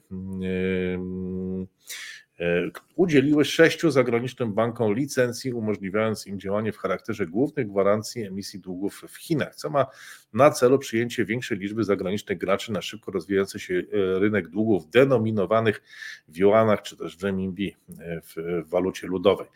Renminbi dokładnie to oznacza, to jest pieniądz ludowy, e, yuan chiński. No i kto otrzymał tę licencję? Proszę Państwa, starzy znajomi, może nawet Państwo pracujecie w tych firmach Credit Agricole, HSBC, Standard Chartered, e, a wcześniej uzyskały Deutsche Bank, BNP Paribas, JP Morgan i E, Mizucho. No jest tutaj sporo takich instytucji, które dobrze znamy z rynku polskiego, ale i kolejna, proszę Państwa, mrożąca krew w żyłach informacja, która dochodzi z Chin. Chińskie laboratorium symuluje atak na amerykańskie okręty wojenne przy użyciu broni kosmicznej i rakiet hipersonicznych. Laboratorium pracujące nad elektronicznym sprzętem bojowym dla chińskiej armii ludowo-wyzwoleńczej pokazuje, w jaki sposób satelity i rakiety mogą zostać użyte do ataku na grupę lotniskowców. Naukowcy twierdzą, że wojna elektroniczna przestrzeni kosmicznej z wykorzystaniem konstelacji satelitów na niskiej orbicie stała się ważnym środkiem wojny informacyjnej. E, na głównej ulicy Promenade w Davos dominowały indyjskie salony, a witryny sklepowe skupiały się na przywództwie i wzmacnianiu pozycji kobiet, a także infrastrukturze cyfrowej, informuje SNBC. Obecne były także indyjskie Stany, no tam w Indiach to każdy na własną rękę, Maharashtra, Tamil Nadu i Telangana, które reklamują się jako centra technologiczne w zakresie produkcji i sztucznej inteligencji. Wyzwanie jak zwykle polega na tym, czy Indie rzeczywiście mogą ułatwić prowadzenie tam interesów, powiedział CNBC Ravi Redaktor naczelny Foreign Policy i były szef biura CNN India. E, I proszę Państwa, Korea Północna twierdzi, że przeprowadziła w tym tygodniu swojego e, podwodny system, e, test podwodnego systemu broni nuklearnej w odpowiedzi na ćwiczenia przeprowadzone przez USA, Koreę i Japonię. Media państwowe podały, że u wschodniego wybrzeża tego kraju odbył się test rzekomo uzbrojonych właśnie w broń nuklearną podwodnych dronów. No i wspomniany już wcześniej prezydent Elek, który dopiero co ciekawe w maju obejmie władzę na Tajwanie. Lai Ching-te planuje utrzymać status quo w cieśninie tajwańskiej, powiedział Associated Press no, yy, przedstawiciel czy dyrektor biura Taipei w Waszyngtonie yy, i w swoim pierwszym wywiadzie od czasu przybycia do USA w grudniu, bo on zastąpił poprzednią szefową tego biura, która teraz zostaje wiceprezydentem, czy panią wiceprezydent Tajwanu. E, jej powiedział, że La jest skłonny nawiązać współpracę z Pekinem, mimo że wyspa stara się wzmocnić swoje nieoficjalne więzi z Waszyngtonem w celu zapewnienia stabilności w regionie. No ale to taka typowa gra dyplomatyczna, bo Pekin już powiedział, że nie będzie z nim rozmawiał. W związku z tym no, on teraz wyciąga rękę i mówi, że chętnie porozmawiamy. Pekin zaś powiedział, że porozmawiamy wtedy, jak zrezygnujecie czy z niezależności wyspy, jakby zrzekniecie się publicznie praw do tego, że ma nie być zjednoczenia. No i, i takie jest. I takie trwają, proszę Państwa, dyplomatyczne e, przepychanki, więc rozmów nie będzie, ale jest remis e, na Tajwanie i, i zobaczymy, co dalej. No myślę, że będzie ciekawie, natomiast żaden z tych skrajnych scenariuszy się jednak nie zrealizuje. A historia Chin, proszę Państwa, dość, tutaj mamy, mm, dostarcza wielu dowodów, że kraj ten zawdzięcza ostatnie cztery dekady gwałtownego wzrostu gospodarczego zagranicznym rynkom, a nie instytucjom państwowym. Ciekawa opinia Debina Ma, proszę Państwa, profesora historii gospodarczej na Uniwersytecie Oksfordzkim, jak widzę, pochodzenia chińskiego, bo ma to chińskie nazwisko. E, no, proszę, wiele z tych w ogóle mm, to jest też temat na oddzielny komentarz, jakie to opinie przechodzą gdzieś tam z tego obiegu zagranicznego do Polski. E, ale ta jest ciekawa, która przeszła i to się ukazało na Onecie. Debin Ma, właśnie profesor Debin Ma twierdzi, że Xi Jinping wpadł w pułapkę swoich przekonań i w ten sposób zablokował dalsze możliwości rozwoju Chin, wiodąc kraj ku katastrofie, której skutki odczuje cały świat. No, jeżeli w Chinach się coś wydarzy, to przecież cały świat wszystko. Chiny odcinając się od Zachodu i tłumiąc wolność, same wyłączą się z wyścigu o dominację nad światem. To z kolei Yasheng Huang, ekonomista z Massachusetts Institute of Technology, czyli pracował sporo Chińczyków, którzy zostają w Stanach Zjednoczonych, jak Państwo widzicie, i no, myślę, że oni to raczej nie chcą wracać do kraju, który ich zdaniem będzie upadać. Eee, Yasheng Huang, czy Huang Yasheng wydał książkę Rozwój i upadek wschodu, w której punktuje błędy chińskiego rządu. E, e, Huang, no,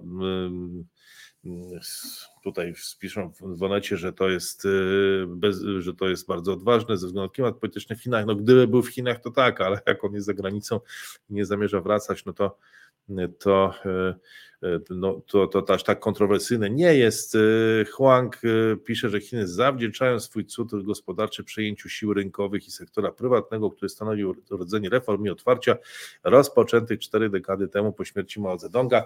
Troszkę tak uważał również Li Keqiang, ale już nie żyje, były premier zmarł w jednym z moteli w Szanghaju w dosyć młodym wieku, bo zdaje się, że nie dożył 70, czy też nieznacznie ją przekroczył. E, I no, co jak na Chiny, to jest, to jest bardzo młody wiek raczej i e, i no, też mówił o tym, że nie można zawrócić Yangtze kijem tak? Czy nie można zawrócić, już ona ruszyła, to jest już, to już nie można tego teraz powstrzymać. No zobaczymy.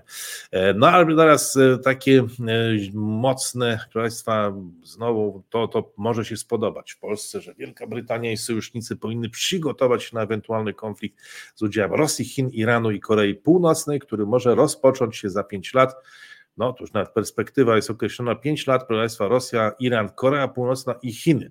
E, I e, tak uważa brytyjski minister obrony, Grant Shapps, czyli to już nawet nie jest być komentatora, tylko oficjalnego przedstawiciela Wielkiej Brytanii, że to będzie e, wojna w ciągu pięciu lat właśnie z tymi, z Koreą Północną, Iranem, Chinami i Rosją.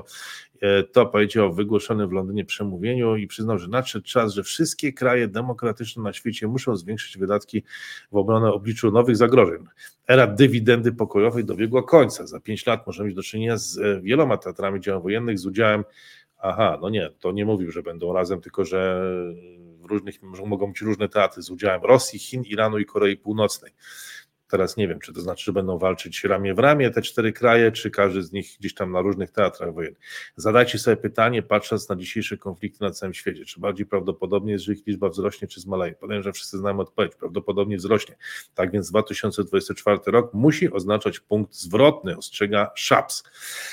No, y, proszę Państwa, pewnie wzrośnie, ale może, no, proszę Państwa, no, oby no może wzrośnie w innych częściach świata też. Yy, tutaj trzeba by sobie zadać to, to pytanie. Yy, No dobrze, zobaczymy.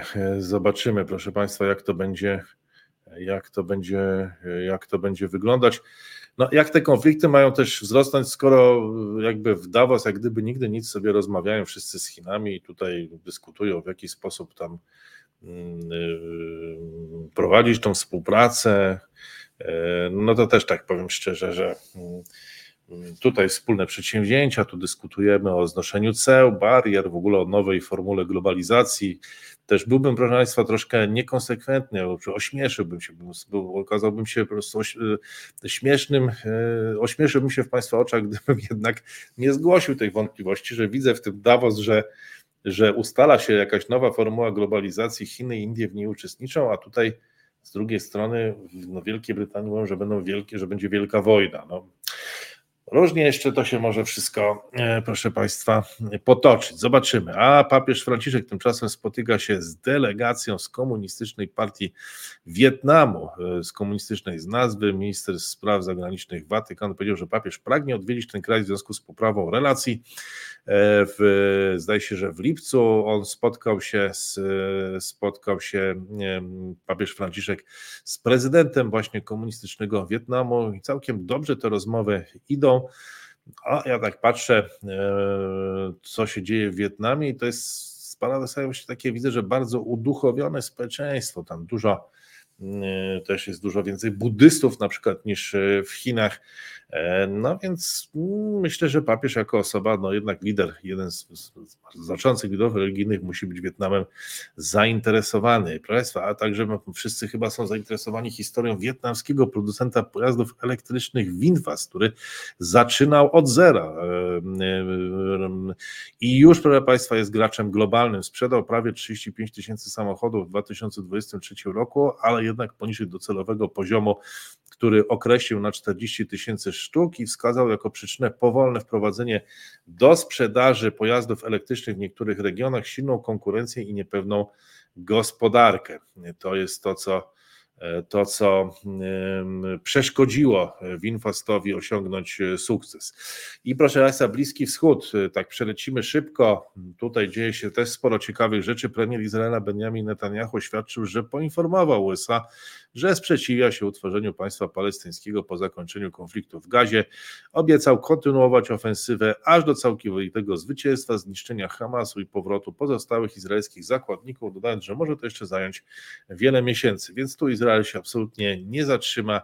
No i pytanie, co zrobią zdesperowane w tej sytuacji Stany Zjednoczone, bo cieszą się Chiny, bo jeżeli Izrael będzie realizował tą strategię, a Stany Zjednoczone będą bezradne w dyscyplinowaniu go, no to zgorszeni tym Arabowie z Arabii Saudyjskiej, Zjednoczonych Emiratów Arabskich, nie będzie żadnych Abraham Accords, podejrzewam, tylko, tylko, no, tylko e, będzie się trzymać z dala, będzie też utrudnione, będzie zmniejszone pole manewru Stanów Zjednoczonych na Bliskim Wschodzie, a kto na to czeka, proszę kto na to czeka? Tak, tak, odpowiedź brzmi e, Chiny. E, siły Houthi przeprowadziły kolejny atak rakietowy na statek należący do USA po tym, gdy Joe Biden stwierdził, że amerykańskie ataki nie powstrzymały kampanii bojowników na Morzu Czerwonym. Pentagon świadczył, że nie zgłoszono żadnych uszkodzeń ani obrażeń po wystrzeleniu przez Houthi dwóch rakiet w stronę e, MV Ranger. I Joe Biden cieszy się, znaczy nie, może się nie cieszy, powiedział, że starcia między Iranem a Pakistanem w tym tygodniu pokazują, że Iran nie jest lubiany w regionie, nie jest szczególnie lubiany w regionie i pracujemy nad tym, aby ustalić dokąd to zmierza. Nie wiem, dokąd to doprowadzi, powiedział e, Biden. No, no taka troszkę, jak na taką dyplomatyczną wypowiedź, to dużo niewiedzy bije z niej. Poza tym, że Iran jest, nie jest szczególnie lubiany w regionie, to wszystko próbujemy ustalić, nie wiemy dokąd to zmierza, zobaczymy. A Iran potępił pakistańskie ataki rakietowe na swoje terytorium w pobliżu granicy między obydwoma krajami i wezwał do wyjaśnień pakistańskiego ambasadora w Iranie. A z kolei Huti, proszę Państwa, bo do nich jeszcze wracamy, którzy destabilizują Morze Czerwone, powiedziały, że rosyjskie i chińskie statki, które będą płynąć przez Zatokę Adyjską i Morze Czerwone, nie będą niepokojone. Czyli no właśnie, tutaj to, to odbiera argument Chińczykom, żeby cokolwiek zrobili w tamtej sprawie, bo no właśnie, ale to kto teraz, jak to w ogóle będzie wyglądać, że sobie chińskie statki będą teraz pływać i Huty nie będą ich atakować, skąd będą wiedzieli, że to chińskie statki, czy będą mieli dostęp do jakichś, nie wiem, no, danych, yy, no nie wiem, właśnie, to pytanie do Państwa, jakbyście byli, wpłynęli pod taką chińską banderą, ale, albo rosyjską, y, to byście przepłynęli przez tą Zatokę Adenską, czy byście y, jednak płynęli dookoła? E, bo tutaj przedstawiciel właśnie niemieckich rebeliantów Houthi Mohamed al-Buhaiti mówi, że nie będą niepokojone, no ale i poinformował Times of Israel, że zapewnił, że tylko jednostki powiązane z niektórymi krajami będą atakowane. No, ale skoro się atakuje te jednostki, to, to nawet z tych krajów e, no, to jest pewne ryzyko, proszę Państwa. E, no i proszę Państwa, Teheran i Islamat od wtorku próbuje zlikwidować beluczystańskich e, tych no, terrorystów, bombardując wzajemnie swoje terytoria. No i teraz Chiny wchodzą do gry i próbują czy wyrażają gotowość odegrania pośrednika łagodzącego sytuację. No i trochę oddechu na koniec tych wydarzeń z Bliskiego Wschodu. Arabia Saudyjska będzie gospodarzem specjalnego e, Światowego Forum Ekonomicznego, poinformował minister gospodarki Faisal Abdul Brahim. Spotkanie odbędzie się 28-29 kwietnia i będzie koncentrować się na globalnej współpracy, wzroście gospodarczym i energii, powiedział Al-Brahim w Davos, Szwajcarii, gdzie obecnie odbywa się główne coroczne wydarzenie Światowego Forum ekonomicznego. Forum uznało, że Arabia Saudyjska staje się silniejszym i bardziej wpływowym liderem na scenie globalnej. Uznaliśmy, że to odpowiedni moment, aby sprowadzić to globalne wydarzenie i rozpocząć nowy wspólny rozdział. No właśnie, więc widzicie Państwo, Arabia Saudyjska też jest w nowej globalizacji, a my będziemy teraz ustalać, co jest demokracją, przez następny, już nie tyle, że eksportować, tylko ustalać sami ze sobą toczyć spór. No, nie chciałbym, żeby to się tak skończyło, ale, ale wiele lat widzieliśmy e, e, rozwój sytuacji. Komentowaliśmy to także na tym kanale. No zobaczymy, proszę Państwa. A tymczasem Stany Zjednoczone. Zobaczcie Państwo, e, no przyznam szczerze, że mogą być to zaskakujące informacje w kontekście tego, co się dzieje. Słynna na świecie, mm, to też pokazuje, pewne wyzwanie, z którymi muszą się zmierzyć Stany Zjednoczone. E, słynna Szkoła Sztuk Wyzwolonych w Atlancie, Spelman College, otrzymała historyczną darowiznę w wysokości 100 milionów dolarów. Spelman College to prestiżowa uczelnia sztuk wyzwolonych, która przygotowuje kobiety do zmiany świata. Brzmi opis uczelni, który właśnie został odbiorcą największej pojedynczej darowizny, jaka kiedykolwiek przekazano uczelni. No nie wiem, czy Państwo mnie wesprzecie taką darowizną 100 milionów dolarów, ale aż takiej nie potrzebuję. Eee, no może kilka zer mniejszych. E, e, no ale tutaj właśnie Spellman College się cieszy. E, to historyczny moment, który będzie miał ogromne znaczenie nie tylko dla dziewcząt, które są teraz Spellman, ale także dla młodych kobiet w dalekiej przyszłości. To po prostu niesamowicie powiedziała, niesamowite powiedziała Helen Gale, rektor Spellman College. A ustawodawcy z Florydy chcą zawieszenia tęczowych flag, e, e, zakazać właśnie wywieszania tęczowych flag w szkołach. Swoją decyzję argumentują rzekomym zagrożeniem dla uczniów. Krytykuje to w Polsce Onet. Od początku prawodawcy wprowadzili na Florydzie kilkanaście ustaw dyskryminujących społeczność LGBT. Ustawa zaprezentowana przez Republikanów z Florydy zakazywałaby nauczycielom i innym pracownikom rządowym wywieszania tęczowej flagi, nawet noszenia jej w formie przypinki. Mogliby natomiast wywiesić pełnowymiarową flagę do wolnego uznanego narodu. Przeciwnicy ustawowi wskazują na mowę nienawiści dyskryminację. No i wracamy, proszę Państwa, do Kataru, do Mundialu, kiedy też w wielu reprezentacji, akurat Polska nie, cię jestem jak byłoby teraz, ale wtedy nie, e, była kwestia właśnie tych opasek LGBT i skończyło się na krzykach. Ostatecznie nie zostały założone. Katar się temu sprzeciwił. Narodowe Instytuty Zdrowia Bethesda w stanie Maryland miały otrzymać ośmiostronicową mapę genetyczną nowego wówczas wirusa już w grudniu 2019 roku, wynika z najnowszego raportu opublikowanego przez New York Times. W, grudniu 2019 roku na próg NI, Narodowego Instytutu Zdrowia trafiła mapa genetyczna, którym zaraził się 65-letni mieszkaniec Wuhan. Mapa ta zawierała kluczowe dane na temat wirusa, który już kilka tygodni później spowodował globalną pandemię. Amerykanie jednak nie dodali wirusa do bazy. Zamiast tego wystosowali do Chińczyków wiadomość zwrotną. No, będziemy to Państwo wyjaśniać, sądzę, że jeszcze przez długi czas. Komendant ekwadorskiej policji, pan Cezar Zapata, poinformował, że zatrzymano dwóch podejrzanych o zastrzelenie prokuratora Cezara Suareza. Zamordowany prokurator Suarez skierował śledztwem w sprawie dramatycznego, transmitowanego na żywo napadu gangsterów na państwowe studio telewizyjne w Guayaquil. Mężczyzna został zastrzelony w swoim e, samochodzie. No i proszę Państwa, mm, bliskie otoczenie, bliskie otoczenie Polski. Teraz tak na szybko, potem jeszcze trochę Ukrainy. E, kilka dni temu światowe media obiegła informacja o tym, że Bundeswehr planuje potajemnie przygotowania do potencjalnego konfliktu z Rosją i to nie tylko na Zachodzie, odbiło się szerokim echem, dotarła także do przywódców Kremla. Siergiej Milonow, bliski współpracownik Putina, postanowił odpowiedzieć na te doniesienia i wspomniał o antyrosyjskiej histerii i marzeniu Niemców o powrocie do Wschodnich Zapoznałem się z tym tajnym planem Niemiec, który wyciekł i został opublikowany przez gazetę Bild, stwierdził w poniedziałek. A Maria Zacharowa, rzeczniczka rosyjskiego Ministerstwa Spraw Zagranicznych, stwierdziła, że nie wykluczam, że niemiecki MSZ pod kierownictwem Anneny Baerbock dostarczyło Bundeswehrze część analityczną. No, widać, że strasznie Napięcie, e, proszę Państwa, wzrosło. E, fakt, że NATO planuje manewry mające na celu przećwiczenie wojny domowej przeciwko Rosji jest głęboko niepokojący. Strategzy Sojuszu Północnoatlantyckiego zdali sobie bowiem sprawę, że taki scenariusz jest bardziej realistyczny niż był przez dziesięciolecia. Ćwiczenia Steadfast Defender 2024 rozpoczną się w przyszłym tygodniu i potrwają do maja. Mają być największymi manewrami wojskowymi NATO od końca zimnej wojny i weźmie w nich udział nawet Szwecja, chociaż nie została została jeszcze do NATO przyjęta. NATO ogłasza manewry z udziałem 90 tysięcy żołnierzy i mają one odstraszyć Rosję. To właściwy sygnał. Ćwiczony będzie scenariusz, który nigdy wcześniej nie był bardziej realistyczny od czasu upadku tak zwanej żelaznej kurtyny. Atak Rosji na, rzecznika, na sojusznika NATO. Eee, I no właśnie, dobrze, że zaczynają się jakieś, jakieś ćwiczenia, proszę Państwa. Eee, I. Hmm, Senat USA tymczasem, teraz światowa gospodarka, proszę Państwa.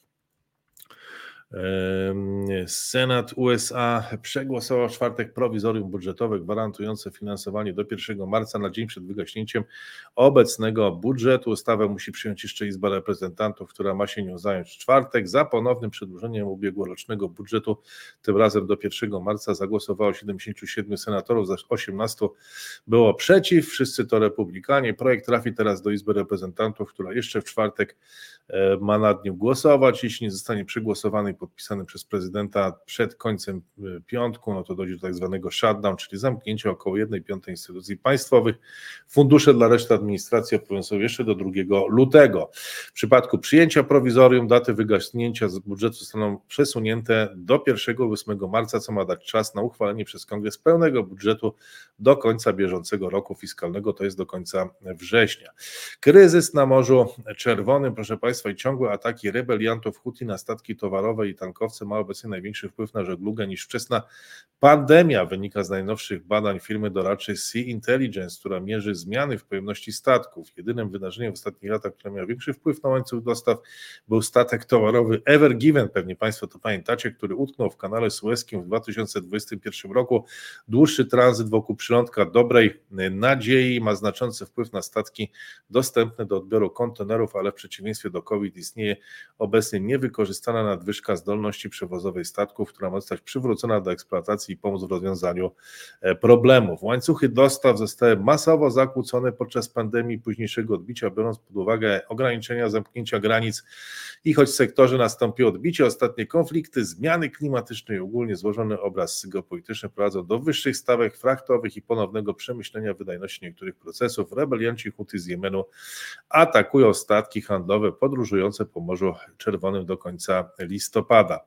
A dyrektor generalny Microsoft Satya Nadella powiedział, że jego zdaniem istnieje potrzeba globalnej koordynacji w zakresie sztucznej inteligencji oraz uzgodnienia zestawu standardów. I to jest ta, to jest ta rewolucja i odpowiednich barier dla tej technologii. Microsoft jest głównym graczem w wyścigu między dużymi amerykańskimi firmami technologicznymi w kierunku sztucznej inteligencji. Zainwestował miliardy dolarów, dolarów w OpenAI a Nadella powiedział, że nie jest pewien, czy globalna agencja regulująca sztuczną inteligencję jest możliwa, ale dobrze widzi kraje, które rozmawiają o zastosowaniu zabezpieczeń do spraw sztucznej inteligencji w ten sam sposób. No i e, proszę Państwa, e, była dyrektor operacyjna Meta, Shelley Sandberg, planuje ustąpić ze stanowiska członka zarządu spółki po zakończeniu kadencji w maju 2024, a więc tego roku. O swojej decyzji poinformowała za pośrednictwem mediów społecznościowych. Meta biznes jest silny i dobrze przygotowany na przyszłość, więc wydaje się, że to właściwy moment, aby odejść, poinformowała Sandberg w poście. Dodała, że będzie funkcjonowała jako doradca firmy. No i trochę kwestii europejskich, proszę Państwa. Minister obrony Niemiec Boris Pistorius ostrzega przed rozszerzeniem działań zbrojnych związanych z inwazją na Ukrainę, odrzuca jednak wezwania do zwiększenia niemieckiej pomocy wojskowej e, dla Ukrainy. Nie możemy pójść na całość, mówi Niemcy, jego zdaniem dostarczyły do tej pory wszystko, co mogły. Prawie codziennie słyszymy groźby ze strony Kremla. Ostatnio ponownie wobec naszych przyjaciół w krajach bałtyckich musimy wziąć pod uwagę, że Putin może nawet pewnego dnia zaatakować kraj NATO. Powiedział w wywiadzie dla niemieckiej gazety Tagesspiegel Pistorius i nie uważam, że rosyjski atak jest prawdopodobny w tym momencie. Nasi eksperci przewidują okres od 5 do 8 lat, w którym może to być możliwe, stwierdził Pistorius w swoim ostrzeżeniu wezwaniem Bundeswehry do gotowości wojennej. Chciał wstrząsnąć niemieckim społeczeństwem. 10 godzin i 44 minuty, a więc jednak znacznie dłużej niż ten komentarz. Tyle trwało wystąpienie czeskiego posła Tomio Okamury, który, proszę Państwa, Tomio Okamura to jest przedstawiciel skrajnej czeskiej prawicy i w ten sposób chciał zablokować procedowanie ustawy umożliwiającą Czechom głosowanie korespondencyjne e, za granicą i na razie mu się to udało. No, następny raz, jak przemówi 20 godzin, no to, no to może będzie jeszcze, jeszcze trudniej. E, intensywne opady śniegu w Helsinkach zablokowało funkcjonowanie ponad 100 linii autobusowych oraz niektórych tramwajów. Proszę Państwa, a rząd Łotwy czeka na opinię sił zbrojnych w kwestii zaminowania wschodniej granicy państwa. W czwartek w Rydze o bezpieczeństwie, w tym na granicy zewnętrznej NATO i Unii Europejskiej, rozmawiali ministrowie obrony państw bałtyckich. Siły zbrojne opracowują obecnie plan zagwarantowania bezpieczeństwa na wschodniej granicy i odstraszania przeciwnika przy wykorzystaniu różnych środków. Do końca miesiąca projekt ma być zaprezentowany E, rządowi. No i proszę Państwa, kolejna wypowiedź ministra spraw zagranicznych RP Radosława Sikorskiego, który wraca już do formy i na forum ekonomicznym w Davos powiedział, że Ukraina może podjąć decyzję o rozpoczęciu rozmów pokojowych z Federacją Rosyjską i tylko ona.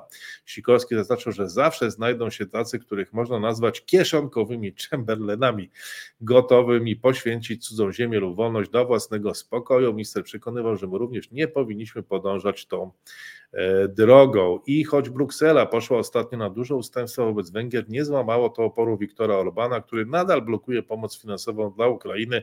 W kręgach unijnych narasta frustracja na Komisję Europejską, że daje się szantażować e, Brukseli czy Budapesztowi. Jak rozumiem, wysoki rangą dyplomata Unii Europejskiej że istnieją trzy scenariusze rozwoju wydarzeń w najbliższych latach. Jeden z nich to obejście węgierskiego e, weta. Zdaniem kandydata na prezydenta Finlandii, a warto posłuchać Finów, bo to ciekawy kraj, Pekka Havisto, on uważa, że trzecia wojna światowa może wybuchnąć poza Europą. Gdyby jeden członek NATO został zaatakowany, państwa członkowskie musiałyby odpowiedzieć się po której ze stron, byłoby to bardzo bliskie do prowadzenia wojny światowej.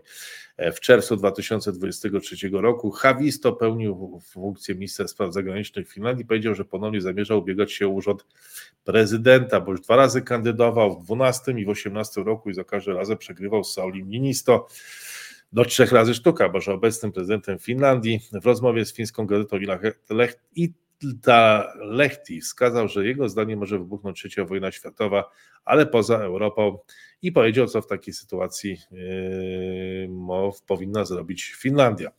No i proszę Państwa, Ukraina. Yy,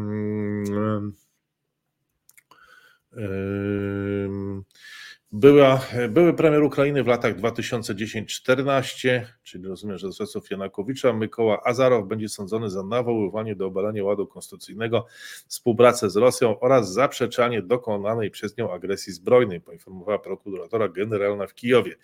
E, zawiadomiła czwartek, że skierowała do sądu akt oskarżenia przeciwko niemu, nie podała jednak jego nazwiska. E, Ukraina nie apelowała o przekazanie zamrożonych rosyjskich aktywów. Dotąd zachodni urzędnicy zasłaniali się przepisami prawnymi i niebezpiecznym precedensem, do którego mogłyby doprowadzić takie działania. A teraz pojawiła się nowa nadzieja. Pomysł nie wydaje się już tak nierealny jak wcześniej. Ukraina mocno zbliżyła się do pozyskania funduszy, o które prosiła od kilku miesięcy, które pomogą wzmocnić jej zdolności obronne. No, przekazywanie tych zamrożonych kwot, proszę Państwa, to też tak sądzę, że z punktu widzenia Zachodu byłby trochę kontrowersyjny ruch, no bo to oznacza, że komuś te pieniądze się zabiera, żeby dać komuś innemu do obrony przed tym kimś. E, no, zobaczymy. E, fakt, że NATO planuje manewry, o których wspomniałem, mający na celu przećwiczeniu wojny obronnej przeciwko Rosji, jest głęboko niepokojący dla Rosji. Strategzy sojuszu północnoatlantyckiego zdali sobie sprawę, że taki scenariusz jest bardziej realistyczny. Nie, czyli to dla NATO jest niepokojące, bo że ćwiczy, no bo jeżeli ćwiczy, to znaczy, że uważa, że to jest realne, bardziej realne niż było przez dziesięciolecie. Ćwiczenia Steadfast Defender 2024 e, potrwają do maja, mają być największymi manewrami wojskowymi czasów zimnej wojny. A Paryż zapoczątkował koalicję artyleryjską na rzecz Ukrainy. Zachód demonstruje długoterminową chęć wspierania Kijowa, co nie może się podobać na Kremlu. No właśnie nie wiem, czy Zachód, bo tutaj, jak rozumiem, Macron no mówi, że mamy rozluźniać te związki z Chinami, ze Stanami Zjednoczonymi, więc jak ta pomoc e, w tym momencie się wpisuje na Ukrainę, to jest indywidualne działanie Francji, w ogóle Unii Europejskiej. Francja i inne kraje zachodnie przekażą Ukrainie dostawy kluczowego uzbrojenia, w tym pociski kierowane. E, Macron powiedział ponadto, że niedługo sfinalizuje z Ukraińcami umowę w zakresie bezpieczeństwa i w lutym uda się do Kijowa. Pomimo rosnącej izolacji kraju, Rosjanie stale zwiększają swoje wydatki za granicą, jak podał Bank Centralny Federacji Rosyjskiej w okresie od stycznia do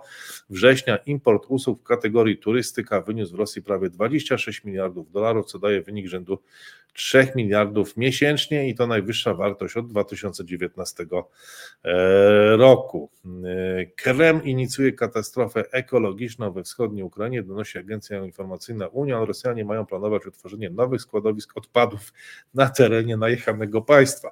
Na dziewięć wysypisk wywożone będą śmieci nie tylko z okupowanych terytoriów, ale również z trzech obwodów kraju rządzonego Putina, przez Putina. No proszę, więc już w ogóle no, całkowita demolka na tej Ukrainie, jeszcze, jeszcze jeszcze wwożą im śmieci. To już jest w ogóle coś niesamowitego. No, to już naprawdę się nie wypada śmiać, no bo to widać po prostu, jak to, jeden kraj próbuje zniszczyć drugi, no już nawet wożąc mu śmieci. To już e, ukraiński minister do spraw strategicznych gałęzi przemysłu, Oleksandr Kamyszin, poinformował, że dron ukraińskiej produkcji, który uderzył w bazę paliw w Petersburgu na północnym zachodzie Rosji przed osiągnięciem celu, przeleciał aż 1250 kilometrów. Jestem przekonany, że w tym roku zobaczymy więcej takich wydarzeń, powiedział Kamyszin. No to zaskoczyli Rosjan, szczerze mówiąc, tyle ten dron leciał. Jesteśmy w stanie produkować no, jeżeli będą w stanie produkować, jesteśmy w stanie produkować wszystko, od małych dronów za 350 dolarów do tego, co dzisiaj w nocy doleciało do Petersburga, a przyleciało 1250 km i trafiło w cel i, będziemy, i możemy robić tego więcej. Asymetryczna wojna będzie wymagać nieskończonej liczby bezzałogowców. Jestem przekonany, że w tym roku zobaczymy więcej takich wydarzeń. No, takie rzeczy też w Davos, proszę Państwa, można było usłyszeć. Właśnie to powiedział Kamyszyn podczas panelu w Domu Ukraińskim w Davos. Jego wypowiedź przytacza w czwartek wieczorem Ekonomiczna Prawda, ukraiński portal. E, źródła w służbach bezpieczeństwa, które przytacza portal Kijów Post, twierdzi, że jeden z dronów, które zaatakowały ten obwód Sankt Petersburgi, przeleciał nad Wałdajem, gdzie znajduje się rezydencja Władimira Putina. No, nie wiem, może jeszcze tam mógł uderzyć nigdy nie wiadomo, tak przynajmniej sugerują to troszkę te, e, proszę Państwa, publikacje e, prasowe, że to się mogło, e, że to się mogło, mogło zdarzyć albo będzie mogło zdarzyć. Dobra Państwa, ale już się nie zdarzy dalsza część tego komentarza. Certyfikat człowieczeństwa 4.0. Jeżeli dotrwaliście Państwo do końca, zobaczymy, to dajcie może dwie piątki, czyli dzisiaj 55 taki znak. No i cóż, bardzo dziękuję za to wsparcie, którego tutaj nawoływałem przez cały ten komentarz. Mam wrażenie, że pierwsza część komentarza, mam nadzieję, że pierwsza część komentarza Was nie rozczarowała, dotycząca właśnie Davos. Wielu się osób domagało tego komentarza, więc go nagrałem. Właściwie nagrałem dzisiaj dwa 50-minutowe komentarze. E, nie wiem, czy podzieliliście sobie je na części.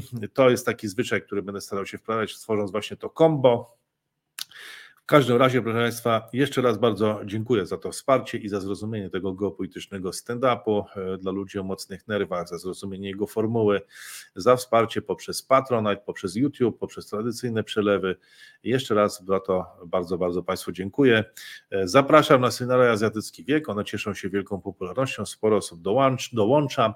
E, może, no właśnie, ktoś jeszcze chce się przejechać do Azji, do Chin, to jeszcze jest jedno miejsce, mogłoby się znaleźć. Dla stałego widza, albo może stałej, nie wiem, czy możemy widzki tego kanału, zapraszamy. A ja teraz wygłoszę jeszcze na koniec tradycyjnie manifest cyfrowej siczy. Proszę Państwa, mówił do Was samozwańczy. Oj, no jednak mi szwankuje zdrowie strasznie. Wspieracie mnie Państwo, może kupię sobie jakieś lekarstwo za to, żeby wytrzymać jednak te 100 minut też niektórzy dają radę 10 godzin. Mówił do Was samozwańczy sługa cyfrowej sieci, samozwańczy mistrz banału, przedstawiciel nowej klasy społecznej w XXI wieku, a więc cyfrowego proletariatu, jeden z ostatnich mohikanów kultury zasuwu, emerytowany ekspert o wąskich horyzontach, realizujący marzenie europejskiej młodzieży o byciu youtuberem, a także nieprzejednany orędownik niepodległości umysłowej Polski w XXI wieku. Wielki loser, wielki przegryw, który nie umie w YouTube'a, zamknięty w bańce kilku tysięcy osób, ale za to jakich osób, Państwa z całego świata, z całej Europy, z całej Polski, no, rozumiejących tą formułę geopolitycznego stand-upu dla ludzi o mocnych nerwach i wspierającego go konsekwentnie od kilkuset dni, kiedy no codziennie tutaj ukazują się jakieś komentarze na tym kanale, jakieś materiały, konsekwentnie go wspierających, bo tak na dobrą sprawę, jedyne co się liczy to szacunek ludzi cyfrowej siczy. To był 20 dzień stycznia roku Pańskiego Roku Pamiętnego 2024. Bardzo dziękuję, miłego weekendu, no i mam nadzieję, że do zobaczenia wkrótce. Kłaniam się, pozdrawiam.